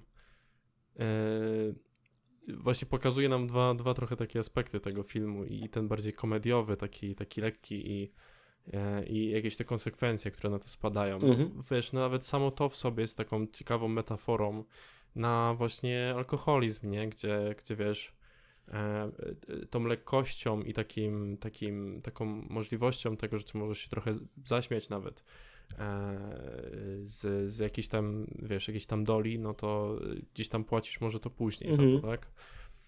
Za to wszystko. Ale jednocześnie nie mamy tutaj takiego, takiej oceny takich osób mhm. na przykład, tak, tak albo tak, tak. takiego stwierdzenia, że nie wiem, nie, no, alkohol no, całkowicie jest zły. Łatwo jest, łatwo jest się, wiesz, łatwo jest poczuć jakąś empatię, bo ja to też jest jakby potrzebne w tym kontekście, tak? Ty masz, jeśli masz zrozumieć ten problem od podszewki, to ty musisz się też utożsamiać z bohaterem. Mhm. E, e, i, I jakby ten film nam nie zabiera tego po prostu, y, wiesz, kompletnie odcinając widza od tego bohatera. Mhm. E, i, no i to jest ważne w kwestii tej historii. E, no i co? Zbliżamy, teraz będziemy przechodzić w zasadzie do top Do podium, 3. no. E, do podium. Jestem ciekawy, co na to powiesz, bo mm, ja nie wiem, zobaczymy, co na to powiesz. Army of the e, Dead, nie? No, mów. Army of the Dead. Spider-Man. E, trzeci film, trzecia produkcja, którą, którą, którą, którą mam na liście, to jest to jest polska produkcja Sweat. Mm -hmm, okay. um, i um, to był jeden z tych filmów, który nie myślałem, że aż tak jakby, aż tak do mnie trafi. Um, ale faktycznie, jeśli chodzi, wiesz, o realiz realizację jakby całego tego filmu e, i konkretne, konkretne sceny, które są dla mnie naprawdę, naprawdę takie Oscar-worthy, mhm. e, e, konkretne konkretne jakby wątki, które są w jakiś sposób poruszane, ale też po prostu całość tej historii.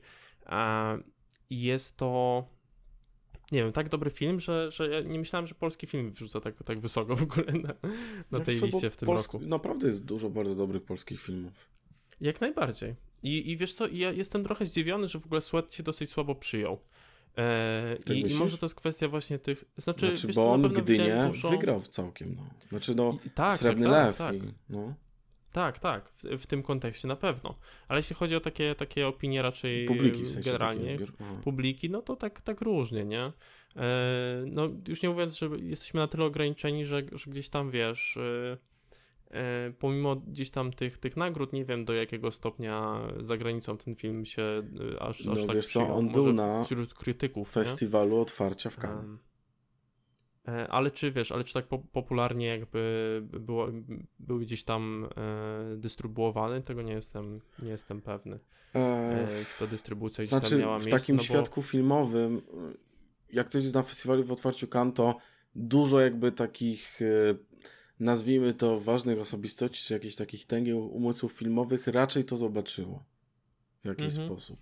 Yy, no, no, ale to też o tym wspomniałem, tak? Że może gdzieś tam wśród krytyków, czy, czy, czy właśnie ten. Tak, pod względem publiki takiej mhm. niedzielnej pewnie nie, ale. Pewnie nie.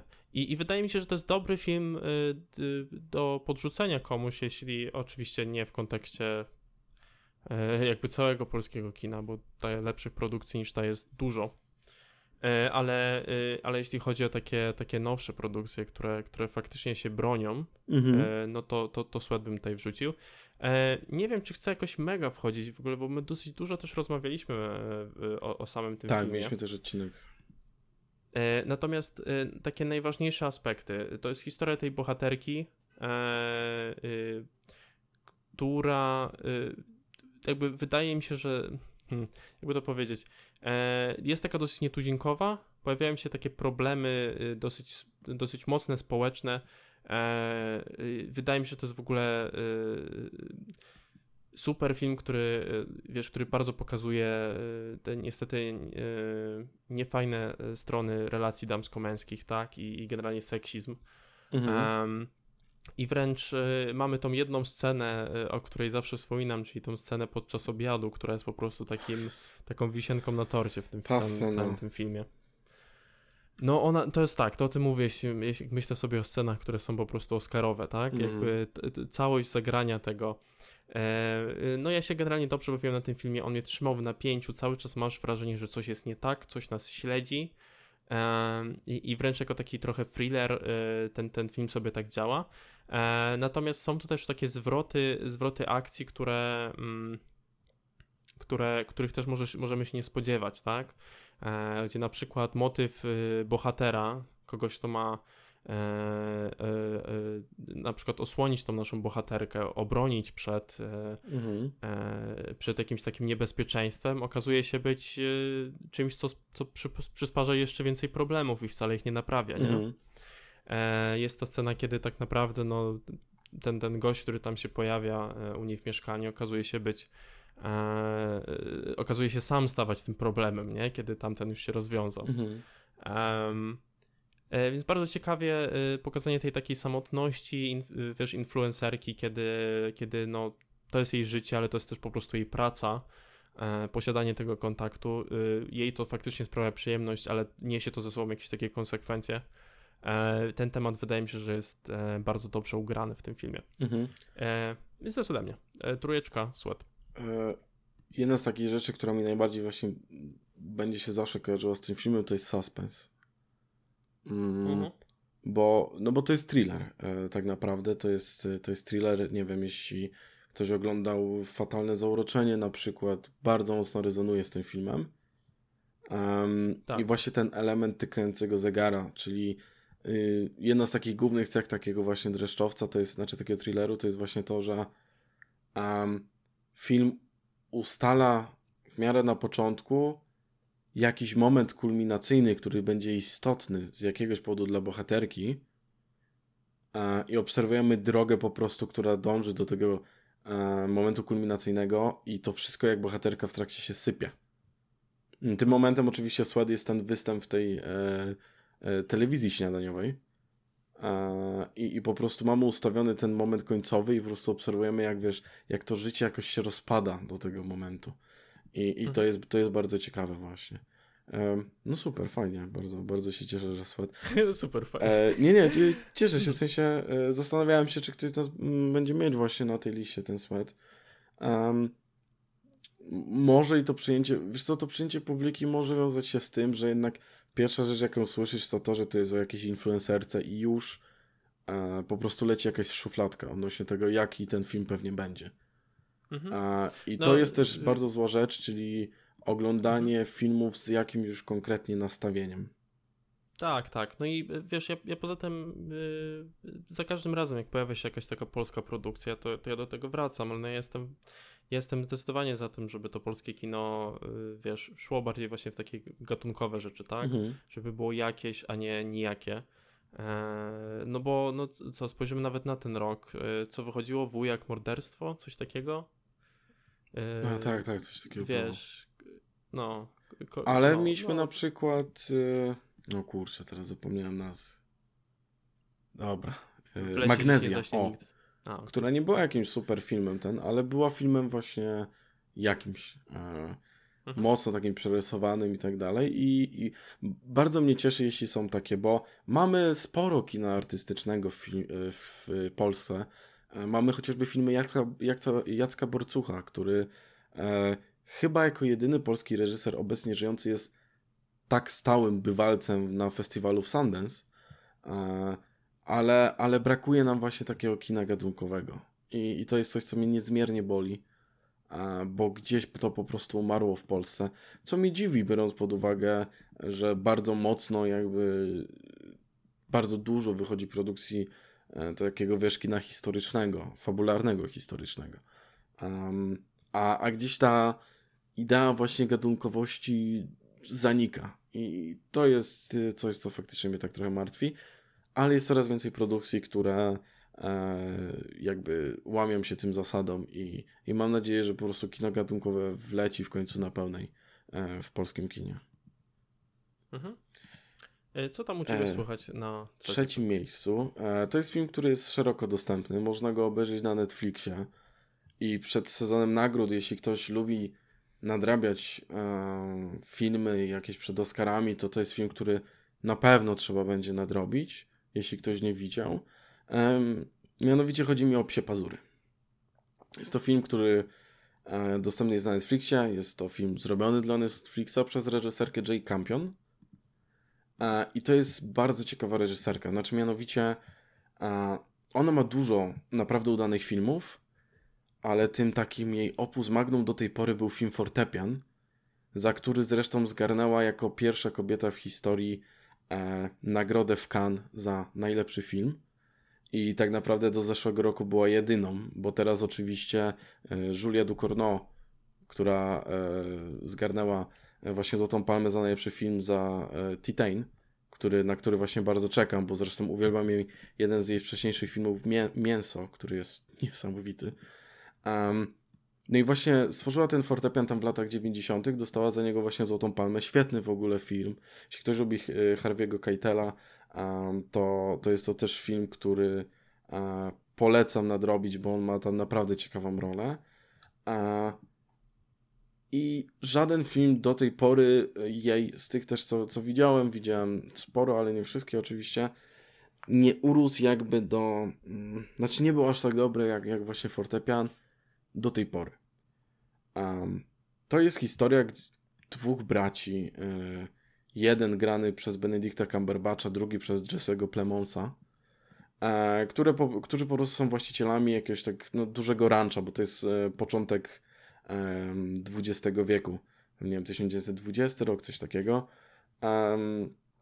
I, I ten brat Jesse'ego Plemonsa żeni się z wdówką graną przez Kirsten Dunst. I powiedzmy, że y, to spotyka się z dużą dezaprobatą y, Phila, czyli postaci granej przez Cumberbatcha. I nie chciałbym za dużo mówić o fabule i o tym, co się dzieje w tym filmie, więc pewnie będę się w miarę streszczał, bo uważam, że jest to film, który warto zobaczyć jako bez powiedzmy jakiejś takiej znajomości i potem co najwyżej gdzieś zagłębiać się w próbę odczytywania tego filmu, bo jest to film, e, który może być w jakiś sposób mocno zakodowany dla niektórych, i to jest ten film, mm, teraz mi się przypomniało właśnie, na który trafiłem, e, bo chciałem sobie robić jakieś notatki przed podcastem i słuchałem sobie w ogóle właśnie, trafiłem, że Tomasz Raczek zrobił o tym, bo no mówię, często jakby nie zaglądam tam, zaglądam raz na jakiś czas i Skubany uprzedził mnie z jedną kwestią, którą chciałem poruszyć, więc nie będę tutaj robił plagiatu, um, ale to jest y, ten materiał wideo, przy którym on wyrażał taką dużą dezaprobatę właśnie w stosunku do E, do takiego bycia y, leniwym w stosunku do odczytywania filmów i muszę się podpisać, bo jak poczyta, jak nie wiem, poczytalibyśmy sobie jakieś komentarze pod tym filmem um, niedzielnych widzów, znaczy no po prostu publiki, to e, jest to trochę smutne, e, co, co tam się dzieje i ja też parę razy załamałem po prostu ręce. E, bo owszem, to jest film, który dla niektórych może być ciężki do czytania, ale jest tutaj bardzo dużo rzeczy. W takim dużym skrócie, na co mm, polecam jakby zwrócić uwagę w tym, w tym filmie, to po prostu to, że jest to film niezwykle dopracowany. E, jest to film, który od A do Z jest po prostu zamknięty do samego końca i wszystko po prostu gra tutaj tak, jak zagra, zagra e, reżyserka. coś, na co polecam zwrócić uwagę, oglądając już tak sam film, to po prostu e, to, co aktorzy tutaj robią z ciałem. Znaczy, relacja ciała w tym filmie, e, to jak kamera szuka tego ciała i portretuje je, jest bardzo istotne. Znaczy, jest po prostu bardzo dużo niuansów ugranych na podstawie ciał bohaterów. Tam możecie znaleźć dużo elementów potrzebnych do odkodowania po prostu tego filmu. Postać Phila właśnie grana przez Benedicta Cumberbatcha jest niesamowicie złożoną postacią, co może wydawać się odwrotnie na samym początku tego filmu, ale jest to postać, która ma dużo więcej do zaoferowania niż jakiś taki, nie wiem, tani portret jakiejś takiej toksycznej męskości czy cokolwiek w tym stylu, bo jest to coś zupełnie innego. Owszem, jest to postać, która ma w sobie dużo gniewu, dużo dużo takiego cynizmu, bo jest to postać też niezwykle intelektualna. Ale pod tymi wszystkimi takimi wierzchnimi warstwami kryje się po prostu człowiek przestraszony i człowiek niepewny. I, i to jest jakby to jest mistrzostwo e, tego, jak ta postać jest napisana. E, jeśli chodzi o kwestie aktorskie, Jesse Plemons po raz kolejny to jest rola drugoplanowa. Super jest po prostu w tym filmie. Kirsten Dunst tak samo, ale absolutne show i jestem przekonany, że leci nominacja e, do Oscara. Ja znaczy, nominacja jakby, żeby w roli aktora pierwszoplanowego dla Cumberbatcha Oscarowa. Mam nadzieję, że ją zgarnie, bo jeśli chodzi o role pierwszoplanowe w tym, w tym roku, mieliśmy ich dużo na naprawdę wysokim poziomie, ale Benedict Cumberbatch jest tutaj niesamowity, bo on tutaj nie szarżuje. Znaczy, to nie jest rola, w której możesz szarżować i nie wiem, niesamowicie schudnąć czy coś w tym stylu i wtedy e, Gildia ogląda i ma takie, o jak on pięknie schudł, 10 na 10 idzie, nie? Leci mhm. Oscar. To jest właśnie ta trudniejsza rola do zagrania, czyli rola nieprzeszarżowana, taka normalna, byśmy powiedzieli. I to tutaj jest bardzo ciężko ugrywać niuanse. Mm, te, te role są tym prawdziwym, tak naprawdę sprawdzianem dla aktora, bo szarżować naprawdę jest łatwo. Um, i, i, jest to film, który gorąco polecam. Jest to film, który mnie absolutnie zniewolił. E, porwał mnie. Obejrzałem go, nadrabiałem go na początku chyba grudnia, czy. E, tak, chyba na początku grudnia. I zobaczyłem już go dwa razy, bo czułem potrzebę, że potrzebuję ten, znaczy inaczej, czułem, że potrzebuję ten film zobaczyć dwa razy, e, żeby go w pełni zrozumieć. E, I, i dajmy filmowi czas, dajmy temu filmowi czas. To jest film nieśpieszny, ale naprawdę jest to film, który ma niesamowicie dużo do zaoferowania i wystarczy tylko spróbować poszukać. Mhm. To jest e, też film, na który gdzieś tam trafiłem, właśnie patrząc, e, jakie, jakie, jakie ludzie filmy w zasadzie wyróżniali pod koniec tego poprzedniego roku. E, oczywiście, e, e, oczywiście e, nie, nie inspirując się tym specjalnie, no bo no, tego filmu już po prostu nie oglądałem, mm -hmm, tak, przed, mm -hmm. przed samym tym. Eee, natomiast tak, no, w zasadzie teraz jak o tym, o tym też mówiłeś, ja sobie tutaj zaglądałem na jakieś takie, e, takie komentarze i są obrzydliwe, znaczy... No, to spoko. E, no, już nie mówiąc e, o, o jakichś tam e, takich bardziej e, homofobicznych komentarzach, prawda, bo to się oczywiście -hmm. zdarza w takim wypadku, to też e, kwestia właśnie szukania czegoś bardziej sensacyjnego, tak? No to, to mm. jest mhm. ta sama historia co z Green Knightem, tak. all over again, tak? Czyli e, mamy film, który ma być w, w takiej formie, jakiej, w jakiej ma być i w takiej formie działa. Natomiast ktoś sobie szuka kolejnego Terminatora, nie? Tak, no i e, ważna sorry, sprawa. No to nie jest to. Jest to anty-western. Zapomniałem o tym wspomnieć. Znaczy, mamy tutaj wszystkie tropy, wszystkie jakby takie zarysowania, które występują w westernie, i ten film często mhm. będzie jako gatunek klasyfikowany jako western, bo on jakby no, jest w tym gatunku, ale jest to anti-western, znaczy on y, zupełnie nie idzie w te klasyczne tropy westernu. Mhm. Jest właśnie tak, są, są totalną odwrotnością. Tak? Y, no to no wiesz, jakiś film pierwszy, który mi się kojarzy z tym, z takim właśnie anty-westernem, to jest No Country for Old Men, to jest chyba mój ulubiony film. Mhm, okay. Który kiedykolwiek widziałem. Chociaż on jest bliżej e, westernu więc... niż ten też. Jakby. A, no proszę. Mhm. No dobrze. E, w takim razie ja będę nadrabiał. E, no i co? Zbliżamy się do drugiej pozycji. Mhm. Um, no, y, y, no co mam ci powiedzieć? No ty już tą, tą pozycję jakby rzuciłeś. E, I dla mnie to jest film na Rauszu. A, okay, okay. Na drugim miejscu. E, słuchaj, jeśli chodzi o, o właśnie na Rauszu, no to tak ruszyliśmy już ten motyw, y, tak jak poprzednio trochę rozmawialiśmy pod innymi aspektami, tutaj kwestia tego alkoholizmu, jak ten temat jest poruszony. E, nie mam specjalnie dużo więcej do dodania, poza tym, że, e, że, że jakby rola ta pierwszoplanowa mnie strasznie urzekła, jakby fakt, i, to jest to, co tak naprawdę co też na pewno jest e, cechą e, przy okazji tego, tego właśnie wolnego kina, tak, gdzie, e, gdzie można zobaczyć chociażby takie małe niuanse w grze aktorskiej, mhm. gdzie tu masz czas, żeby to docenić i zauważyć, no tutaj główna postać, no jakby sama w sobie jest trochę taka, tak, że, że jakby tutaj wymaga zwrócenia uwagi na właśnie takie takie mniejsze aspekty tej roli, żeby, żeby tym bardziej docenić ją. Um, Natomiast tak jak wspominałeś, no jakby fabularnie ten film się kompletnie broni. E, historia jest ciekawa i jakby też e, strasznie płynna. Znaczy, e, cho chodzi mi o to, że, że, ona sobie płynie i ty jakby ty się nie męczysz przy tym filmie. E, nie, nie ma tutaj jakiegoś takiego momentu, że to tempo nas wyrzuca kompletnie. E, no i końcówka, która jest taką, takim, takim pięknym podsumowaniem tego i no i fajnie, że, tej, że jakby tej oceny tutaj nie było, faktycznie, że to, że to nie jest jakieś właśnie też prawienie jakichś takich morałów kwestią tego, mhm. tylko to jesteśmy my, jako widz, rzuceni w ten świat i mamy coś z tego wyciągnąć i coś zrozumieć. nie ma tej potrzeby oceny jakiejkolwiek. E, dlatego, że my równie dobrze możemy uważać, że akcje tego bohatera są głupie e, i jednocześnie mu współczuć. Pod oboma tymi aspektami ten film jakby dowodzi. E, no i nic dziwnego, że, że jakby e, też międzynarodowo po prostu ten film został doceniony. E, świetne kino, więc ja też zachęcam do zobaczenia tego mhm. filmu. A ja na drugim miejscu mam film, który jest dla mnie największym zaskoczeniem tego roku. Jeśli, jeśli właśnie ktoś by mnie się zapytał, który film mnie tak najbardziej zaskoczył, to bym powiedział, że właśnie jest to film, który zaraz wymienię. Jeszcze będę taki, wiesz, budował suspense. Mhm. Jest to musical.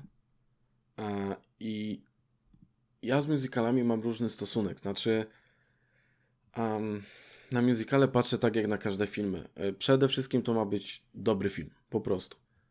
E, I problem jest taki, że wiele musicali Um, ja wiem, że teraz fani muzykali mogą szykować jakieś widły na mnie, ale e, wiele muzykali po prostu ma jakieś problemy w scenariuszu, w narracji, w takiej płynności danej produkcji. Um, dlatego do tego filmu siadałem tak e, troszkę z obawą. Znaczy, słyszałem dobre przyjęcie tego filmu, ale Um, ale, ale właśnie jednak bałem się, że, że to jest ten film, który no niby jest niezły, ale e, i totalnie mnie jakby wywalił z kapci. znaczy e, ja ten film zobaczyłem już e, dwa razy. film mnie absolutnie porwał i mowa tutaj o Tick Tick Boom. Jest to film również, który jest na Netflixie, ogólnie dostępny.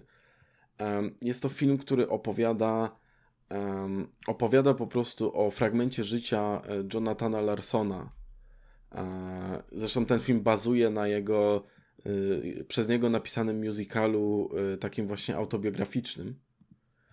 Jest to facet, który zrewolucjonizował w pewien sposób musicale broadwayowskie, czy w ogóle to, jak patrzymy na musicale. Jakby było, jest takie stwierdzenie, że on w końcu stworzył musical dla pokolenia MTV.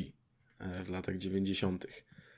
Mm, I, i, I, film, ten film konkretnie opowiada jakby o jego takich perypetiach związanych z, z, pisa, z pisaniem takiej właśnie pierwszej e, sztuki, e, przy tym będąc musicalem. I teraz e, ten film, znaczy ten musical e, jest pierwszym od czasów Moulin Rouge musicalem, który aż tak by mnie pozytywnie zaskoczył. A Moulin Rouge to są, nie wiem, chyba 2000 rok albo początek lat 2000. Um, z paru powodów. Po pierwsze, e, Tick Tick Boom wyśmienicie jakby przeplata ze sobą rzeczywistości. Mamy tą rzeczywistość właśnie musicalową i tą taką naszą, tą taką nazwijmy to zwyczajną, czy normalną. Jest to bardzo płynne. To jest coś, na czym często musicale się wywalają. Znaczy, często musicale mają taki schemat, że mamy no, co się dzieje, jakaś taka ta nasza rzeczywistość, ciach, sekwencja musicalowa, mamy musical, ciach, lecimy dalej. To jest tutaj takie bardzo, mm, bardzo płynne, dzięki czemu nie ma takiego, wiesz, metalicznego posmaku, jakie, jakie często po prostu musicale u mnie zostawiają. Um, co więcej, film bardzo sprawnie łączy ze, ze sobą jakby dwie narracje, które są w tym filmie, bo mamy, mamy narrację występu, który Jonathan prezentuje jakby przed jakąś widownią, i mamy te relacje wspomnień. Ten występ jakby rezonuje z tymi wspomnieniami. I to, jak płynnie to jest ze sobą e, jakby zespolone, absolutnie powala na kolana. Co więcej, muzyki, które dzieją się w, tym, w tej narracji związanej z tym występem, świetnie. To się utwory, tak? E, tak, tak, e, utwory. E, świetnie jakby rezonują e, z naszą drugą ścieżką fabularną w tym filmie, czyli z tymi wspomnieniami. Znaczy, to jak one są dobrane, mm, to jak melodyjnie one są dobrane do jakiejś sceny, po prostu ta muzyka jest narratorem w tych scenach. E, I, to jest po prostu niesamowite. Oprócz tego y, sporo tych jakichś elementów muzykalowych jest y, ciekawie zainscenizowana. Nie ma tutaj jakichś takich niesamowitych wodotrysków.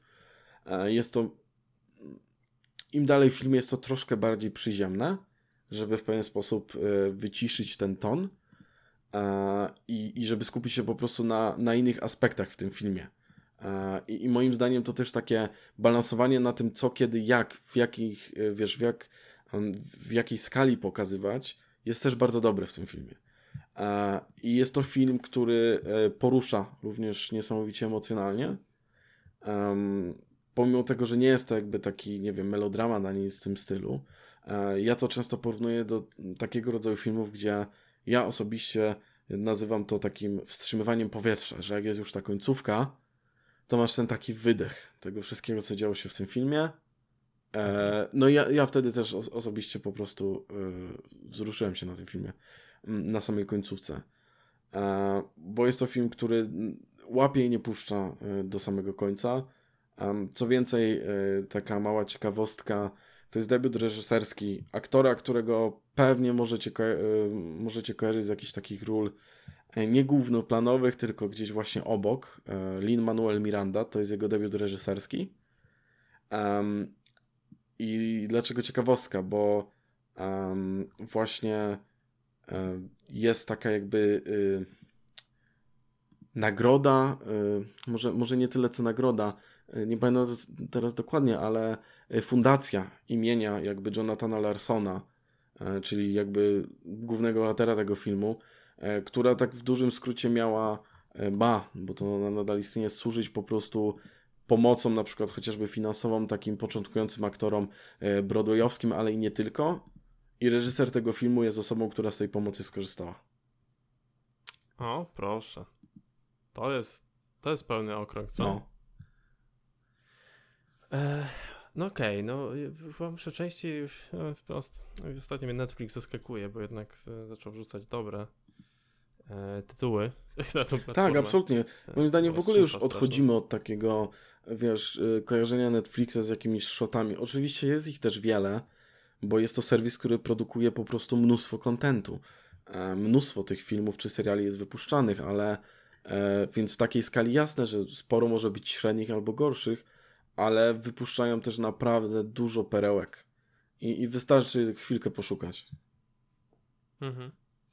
E, no super, no to jest kolejna, kolejna y, pozycja, której, której gdzieś tam ja nie widziałem, więc ciężko mi coś tutaj dodać. Cieszę się, że Andrew Garfield dostaje. O, on tutaj, y, właśnie, bo dzięki, że mi przypomniałeś, bo miałem jeszcze wspomnieć.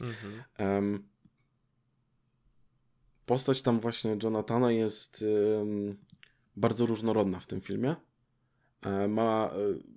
Andrew Garfield dostał niełatwą, jakby niełatwe zadanie ukrywania naprawdę różnych jakby emocji i, i różnych jakby przemyśleń bohatera i robi to cudownie. I to jest tak dobry aktor, ja się tak cieszę, że zagrał w tym filmie, bo znowu zrobiło się o nim po prostu głośno dzięki temu. Mhm.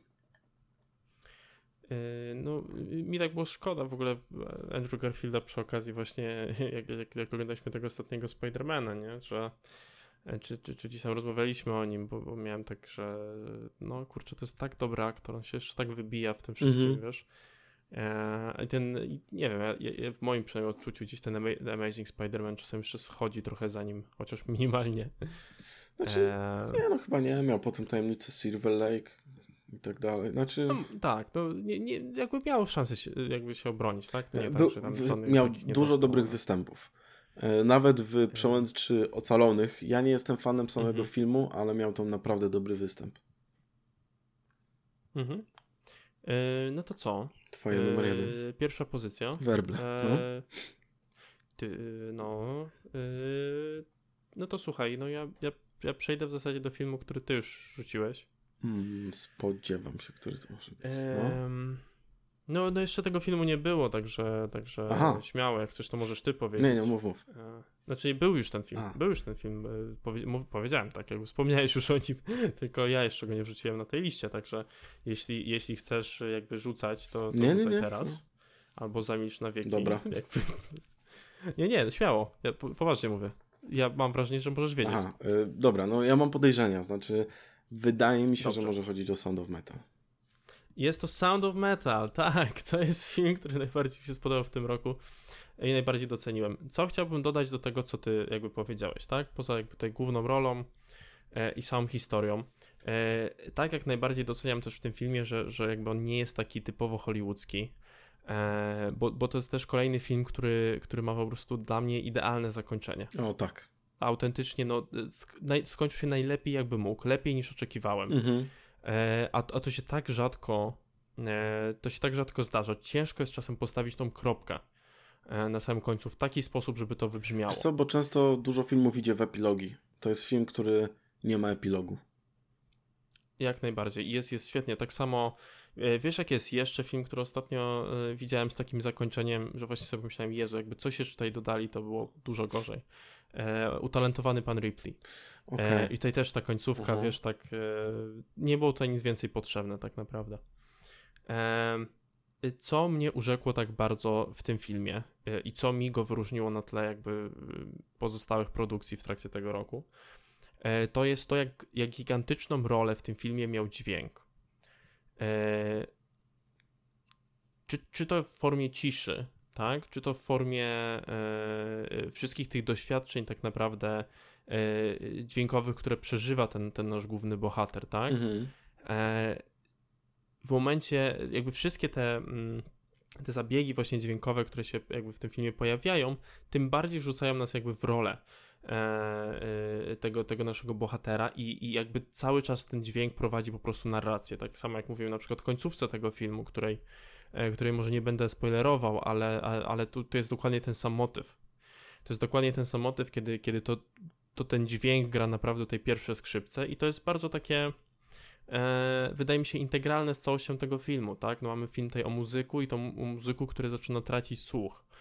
Um, więc przez całość tego filmu y, takim, takim mocnym elementem właśnie narracji jest ten, ten sam dźwięk, E, jest tym, tym, tym takim aktorem, który, który też, też ma swoje kwestie dialogowe.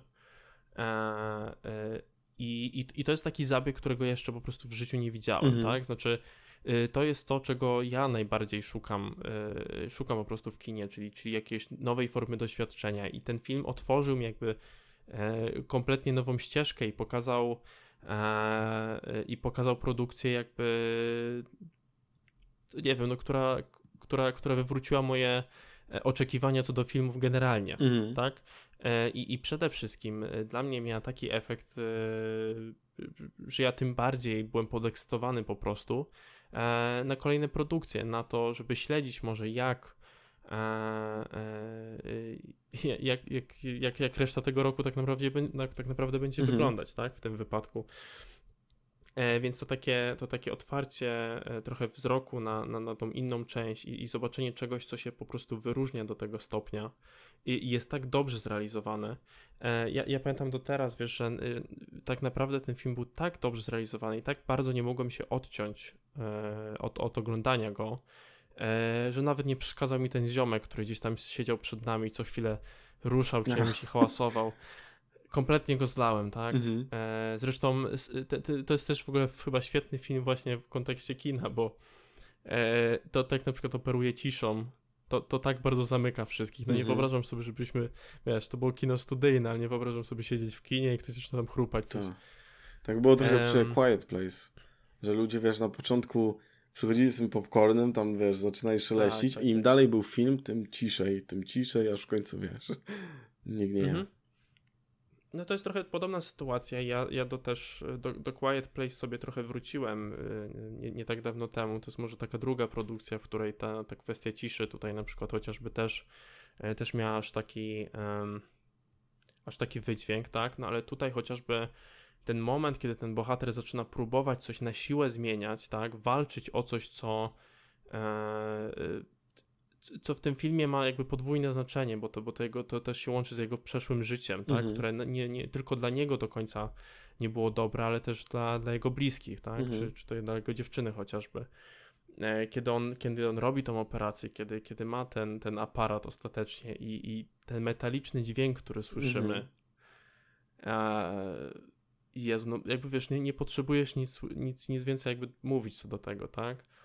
E, autentycznie, y, ścieżka dźwiękowa, udźwiękowienie jako aktor, e, świetnie zrealizowany, no i sam film też trzyma się kupy i, i moim zdaniem też się broni po prostu e, fabula, fabularnie jako produkcja, tak? E, tak. Więc to jest mój film tego roku. Z tym, z tym dźwiękiem właśnie, ja faktycznie o tym nie wspomniałem, bo e, ta ścieżka, znaczy ten właśnie e, ścieżka dźwiękowa jest bardzo ważna. Dźwięk w tym filmie. Um, to jest dźwięk często wywołany po prostu jakimś właśnie, wiesz, tupaniem, jakimiś takimi, wiesz, właśnie tymi dźwiękami, które gdzieś tam słyszymy w oddali, albo potem tym takim, wiesz, metalicznym wręcz dźwiękiem. Um, nie, nie wspomniałem o tym dlatego, że y, właśnie ten dźwięk, czy raczej jego brak, czy jakieś takie tylko mikroelementy powodują, że masz takie uczucie zostania samym aktorem w danej scenie. Znaczy, jesteś tylko ty aktor. I nie ma nic pomiędzy wami. W sensie żadnej takiej, nie są jakiegoś, wiesz, dystansu. I to jest w ogóle zabawne, bo to mi się bardzo kojarzy e, z koncepcją e, teatru Jerzego Grotowskiego, e, teatru laboratorium, gdzie on tam forsował koncepcję teatru ubogiego. I to nie jest pejoratywne określenie, znaczy on chciał znieść dużo takich elementów, które dzielą widza i aktora. I on na mhm. przykład zrezygnował całkowicie z muzyki i miał takie, no okej, okay, zrezygnowałem z muzyki, ale ja mogę wytworzyć ścieżkę dźwiękową. To, że aktor przejdzie się na, w którymś momencie, wiesz, po scenie od miejsca A do miejsca B, wytworzy jakiś dźwięk. To, że w którymś momencie tupnie, to, że w którymś momencie, nie wiem, mlaśnie, coś takiego powoduje, że mamy jakiś dźwięk, mamy tą muzykę, nazwijmy to, ale nie odbiera to tej bardzo bliskiej re relacji y, aktora i widza. I, I, to jest coś, co, mhm. ten, co faktycznie ten film też stara się zrobić. I, i to jest faktycznie mocny punkt, który trzeba poruszyć, ta e, warstwa dźwiękowa w tym filmie. Mhm, jak najbardziej. No w takim razie e, teraz przejdziemy do. E, Mojego do, miejsca pierwszego. Do, tak, czyli do, do, do, do, krótszego rantu na temat Green Knighta. E, a może mam coś innego? Ty nie masz nic innego, masz Green Knighta. Dobra, daj mi zrobić podbudowę, dobra? A, dobrze, okej. Okay. Okej, okay. moim mówię. miejscem pierwszym e, na mojej liście najlepszych filmów za 2021 rok e, jest film, który jest w ogóle jednym z lepszych filmów, jakie widziałem kiedykolwiek w historii. E, mam taką zasadę, że nie daję filmowy 10 na 10, czyli jakby tej takiej plakietki, nie wiem, arcydzieło dla mnie, jeśli nie zobaczę filmu minimum trzy razy. E, to jest taka moja zasada, nieważne w jakim odstępie czasowym, e, po prostu, nawet jeśli jest to krótki odstęp czasowy, to trzy, e, trzy seanse zawsze dają mi po prostu to takie ochłonięcie po, nie wiem, może zbyt optymistycznym spojrzeniu za pierwszym razem chociażby. I tak było w przypadku tego filmu. Zobaczyłem go trzy razy i moja ocena się nie zmieniła. Dla mnie to jest 10 na 10, jest to absolutne arcydzieło. Mówię, jeden z lepszych filmów, jakie widziałem kiedykolwiek i jest to, uwaga, Zielony Rycerz. Czyli e, ty, ty, ty, film, o który, który już był wspominany tutaj. Um, film, o którym też mieliśmy e, długą dyskusję. E, ja tam zapraszam wszystkich, bo bardzo dużo tam rzeczy interpretacyjnych wrzucaliśmy po prostu, bo jest to tak, film, tak. który... Zdecydowanie na tym się, na tym się skupiliśmy. Tak, jest to film, który zdecydowanie tą warstwą inter, inter, interpretacyjną bardzo stoi. Znaczy, możliwości właśnie odkodowywania tego filmu jest bardzo wiele i co fajne, one się de facto wzajemnie nie wykluczają za specjalnie. Jest to film, który właśnie opływa e, w jakieś metakomentarze. E, jest to film, który dla filmoznawców, czy do pisania jakiejś pracy, na przykład naukowej, i wydaje mi się po prostu świetnym poletkiem, żeby, y, żeby to przedsięwzięcie podjąć. E, no ale tak, jest to film, który absolutnie porywa wizualnie. Znaczy, e, to jak ten film jest też konsekwentny, e, na przykład w postępowaniu pewnych barw, w grania pewnymi kolorami w konkretnych scenach, które dotyczą na przykład śmierci, na przykład, nie wiem, zdrady i tak dalej. To jak ten film bawi się ostrością w niektórych momentach, to jak po prostu ta warstwa wizualna ma e, nam dopowiedzieć wydźwięk jakiejś historii, stoi tutaj na niesamowicie wysokim poziomie. Jest to mocno, znaczy może to być odbierane jako kino takie kontemplacyjne, E, David Lowery w ogóle dla mnie jest takim reżyserem, który mocno z tematem chociażby śmierci, um, gdzieś ten temat u niego mocno rezonuje, przynajmniej z tych filmów, co ja widziałem, zwłaszcza Ghost Story, które też dotyka tego tematu w trochę inny sposób, ale też bardzo polecam ten film zobaczyć. Um, ale, ale właśnie wracając do, do Green Knighta, um, no jest to film, który moim zdaniem jest po prostu kompletny. Znaczy, od początku do końca wszystko tutaj jest na swoim miejscu. Y, wszystko tutaj gra, jak grać powinno. Wszystko to, co reżyser chce zrealizować, jest tutaj zrealizowane do samego końca. I to jest coś, co mi po prostu niezwykle imponuje w filmie, bo owszem, wspominaliśmy o tym, że jest mały budżet i to, jak ten film się prezentuje, pomimo tego mniejszego budżetu, jest niesamowite, ale coś, co jest najbardziej jakby co jest najtrudniejsze tak naprawdę do zrealizowania na planie, nawet w przypadku małych filmów, to jest y, pełna po prostu kontrola i zrealizo zrealizowanie swojej pełnej wizji. E, I to jest coś, co ten film robi, to jest coś, co Lowery w tym filmie jako reżyser robi i za to ja po prostu będę składać pokłony do końca życia, bo jest to film, który mnie absolutnie porwał, zaczarował, zahipnotyzował, jeszcze inne synonimy i e, żebym wydał się mądrzejszy i i po prostu, no, świetny film. Jeśli ktoś nie widział, polecam nadrobić. Um, tylko wiedzmy też, co oglądamy. O, oglądamy tutaj w dużej mierze slow cinema z mojego ulubionego gatunku. Chłop idzie po lesie a, i rzeczy się mhm. dzieją. Um, i... Chłop idzie po lesie. Idzie... O Jezu, to jest dobre. Chłop idzie po lesie i rzeczy się dzieją. E, i, i, I po prostu um, Chciałem coś powiedzieć, teraz zapomniałem, patrz, kurde. Tak dobre porównanie rzuciłem. Y, e, dobra, coś, co, no. coś, coś, coś, co chciałem tylko, um, tylko, tylko podkreślić w jakiś sposób jeszcze, e, to jest warstwa dźwiękowa. Bo, o panie, co się dzieje w warstwie dźwiękowej, to jest świetne tutaj. Znaczy, to znowu jest wszystko podporządkowane pewnej wizji i warstwa dźwiękowa tutaj w bardzo dużej mierze opiera się przede wszystkim na mm, takich mocnych dźwiękach, takich wręcz e, skaczących na widza, e, które mają wywrzeć konkretne jakieś zachowanie wśród, wśród widza i podbudować jakąś scenę. I to jest dużo takich dźwięków właśnie takich wręcz skaczących, takich, które mogą czasem, nie wiem, wystraszyć. Dużo jest po prostu takich momentów, że ten dźwięk jest taki głośny, czasem wręcz nieprzyjemny. Um, więc, więc tak, no i tutaj jest oczywiście też niesamowicie dużo symbolizmu E, o czym wspominaliśmy. Jest to jeden z tych filmów, który na pewno um, ma bardzo dużo do zaoferowania w swoich kolejnych po prostu e, seansach i e, jest to film przede wszystkim nieśpieszny, który napawa się tymi kadrami, tym co dzieje się w kadrze. To mi przypomina wręcz e, Kubricka po prostu, w, na przykład w Odysei Kosmicznej, e, czy w Śnieniu, Mamy bardzo dużo tych takich wolniejszych y, momentów w filmie, tych właśnie powolnych nacieszenia się tym kadrem. Mniej trochę w Doctor Strangelove. Doctor Strangelove jest jednak takim dynamiczniejszym filmem u Kubricka, ale y, jeśli ktoś oglądał Odyseję Kosmiczną czy Lśnienie, to y, bardzo dużo, bardzo dużo może znaleźć takich momentów podobnych w kontekście też do spójności, do koherentnej wizji, która nie rozpada się w żadnym momencie, do właśnie dużego postawienia nacisku na barwy i na to, jak te barwy się zmieniają w trakcie seansu w odniesieniu do tego jakby co masz odczytywać e, w późniejszych elementach filmu i e, no jest to pieprzone arcydzieło po prostu. Mhm. Coś, co, co jeszcze mnie urzekło, tak trochę nawiązuje do tego, co wcześniej jakby, o czym wcześniej rozmawialiśmy, to to, że tutaj ten film taką trochę tak niby robi taki epilog, ale rzuca nam taką kość po prostu. Mhm. E, gdzieś tam na samym końcu i, i za chwilę wraca do, do rzeczywistości. Mhm. I to jest ta końcówka też, na którym ja, ja słyszałem takie głosy w stylu, no ale o co chodzi, no, no czemu on w końcu tak zrobił? Bez sensu. Mhm. Wszystko jest tam e, pokazane. Jakby. E, no, wszystkie te konsekwencje, to, to, to co by go czekało, co by go czekało po tym. E, I, i, I wszystko to też ma sens kwestią tych realiów, tak? Mhm.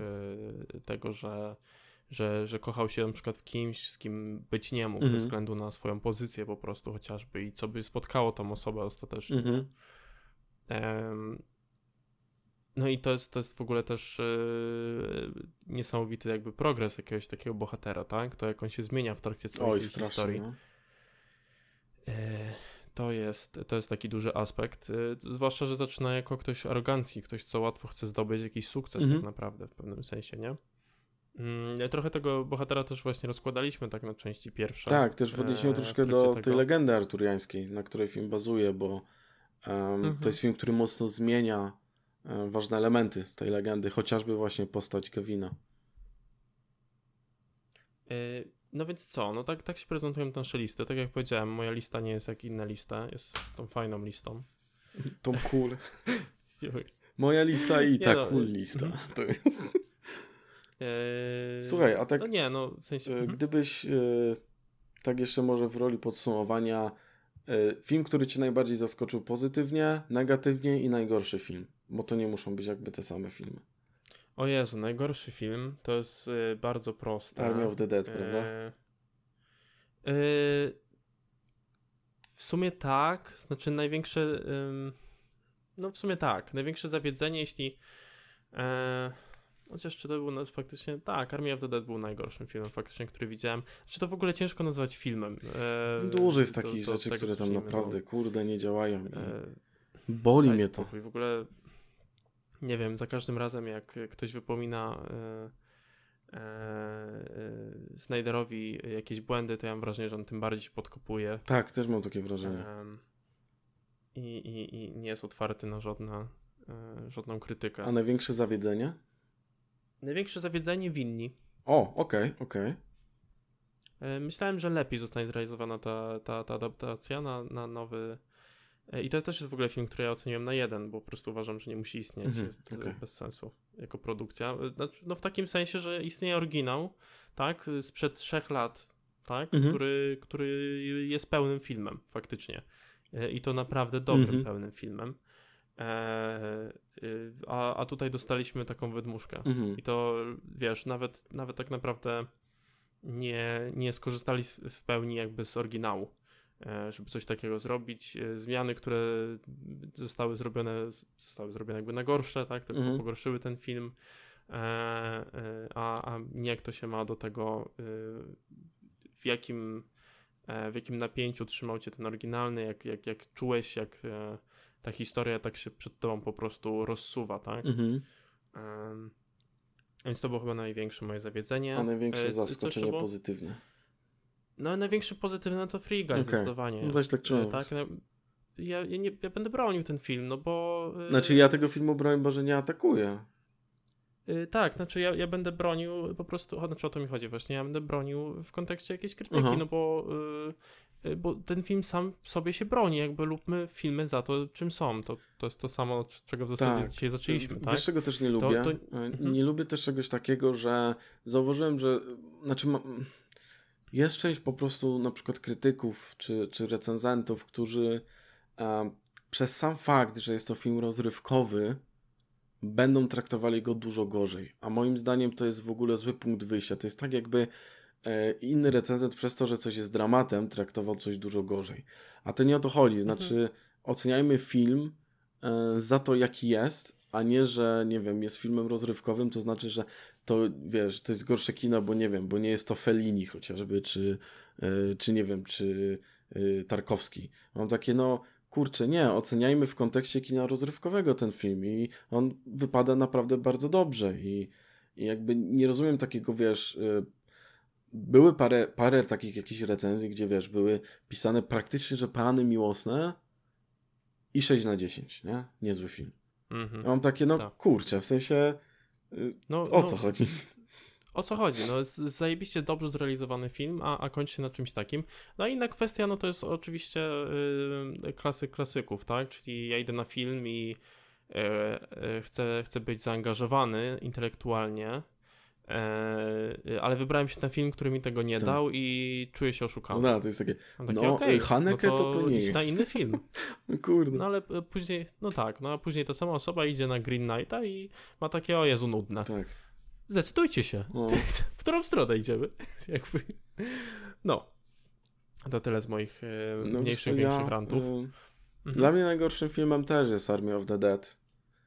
Um, zaskoczeniem pozytywnym już mówiłem Tick Tick Boom, ale um, największym zawiedzeniem tu właśnie miałem paru kandydatów, bo um, w pewnym momencie troszkę tak, znaczy czułem takie mocne zawiedzenie odnośnie nowego Candymana. Nie tylko jakby przez fakt, że y, y, ta pierwsza część Candymana jest naprawdę dobrym filmem, e, ale przez jakby też ludzi, którzy pracowali przy tym filmie. Mam tutaj na myśli Jordana Pila w dużej mierze. Um, ale chyba takim moim szczerze największym zawiedzeniem będzie e, The Hand of God. E, to jest najnowszy film Paula Sorrentino. I to głównie dlatego, że ja po prostu zawsze będę, zawsze czekam powiedzmy na filmy Sorrentino i jak zobaczyłem po prostu wielkie piękno. Bo uważam, że to jest jego opus magnum po prostu. I dostałem teraz film, gdzie wydaje mi się, że Sorrentino troszkę za bardzo uwierzył, że jest kolejnym Felinim dla kina włoskiego a, I gdzieś po prostu się zagubił w tym wszystkim. I, I dostaliśmy taką historię, która nie jest najgorszym filmem w tym roku, broń Boże, ale y, jest mocno średnia. W, w najlepszym przypadku po prostu. Troszkę się gubi, troszkę nie wie, jak nam przedstawić taką trochę bardziej angażującą po, y, y, powieść po prostu. I wiesz, co z tego, jeśli wrzucasz jakieś wątki autobiograficzne, jeśli y, historia sama w sobie nie jest pokazana w sposób angażujący. Więc to chyba, mhm. to chyba moje największe zawiedzenie. No dobrze, w takim razie rozpoczynamy trochę nowy rok. E, pierwszy film zawsze trochę nadaje e, jakichś takich oczekiwań. Mam nadzieję, że w tym roku zaczniemy od trochę lepszych. Eee, czy w ogóle może nadrobimy jakieś ostatnie produkcje jeszcze z poprzedniego roku? Mhm. Eee, tak czy siak, tak się, tak się jakby prezentuje po prostu nasze nasz ten, ten poprzedni rok, to był faktycznie dobry rok, jeśli chodzi tak, o film. bardzo dobry. E, autentycznie, autentycznie to był dobry, y, dobry rok. E, myślę, że jest jeszcze wiele produkcji, które mogą być, być wspomniane w mniejszy czy większy sposób. E, z moich takich ulubieńców, które po prostu no, uważam, że się nie nadają po prostu na tą listę do końca. Nie był to aż tak dobry film. Jezu, ja strasznie uwielbiałem Godzilla i Konga. O tak, tak, tak, super. świetnie się ten mm -hmm. film oglądało, był super. E, i, i, i, też jakąś obudził jakąś moją y, miłość do, do, do właśnie takich filmów o, o właśnie potworach, gigantach. Um, natomiast produkcji takich do w ogóle wyróżnienia, czy takich nawet 7 na 10 było od groma. Mhm. E, Supernowa chociażby była takim filmem, który gdzieś tam na tej siódemce u mnie się plasował mhm. E, i też miał wiele aspektów, które doceniałem, y, no po prostu niestety nie, nie, nie dociągnąłeś do tego stopnia, e, także wydaje mi się, że nawet do pewnego stopnia odrobiliśmy za ten 2020 po prostu, e, który, który był trochę, trochę bardziej lekki i, i, i to faktycznie był dobry y, po prostu rok dla kina.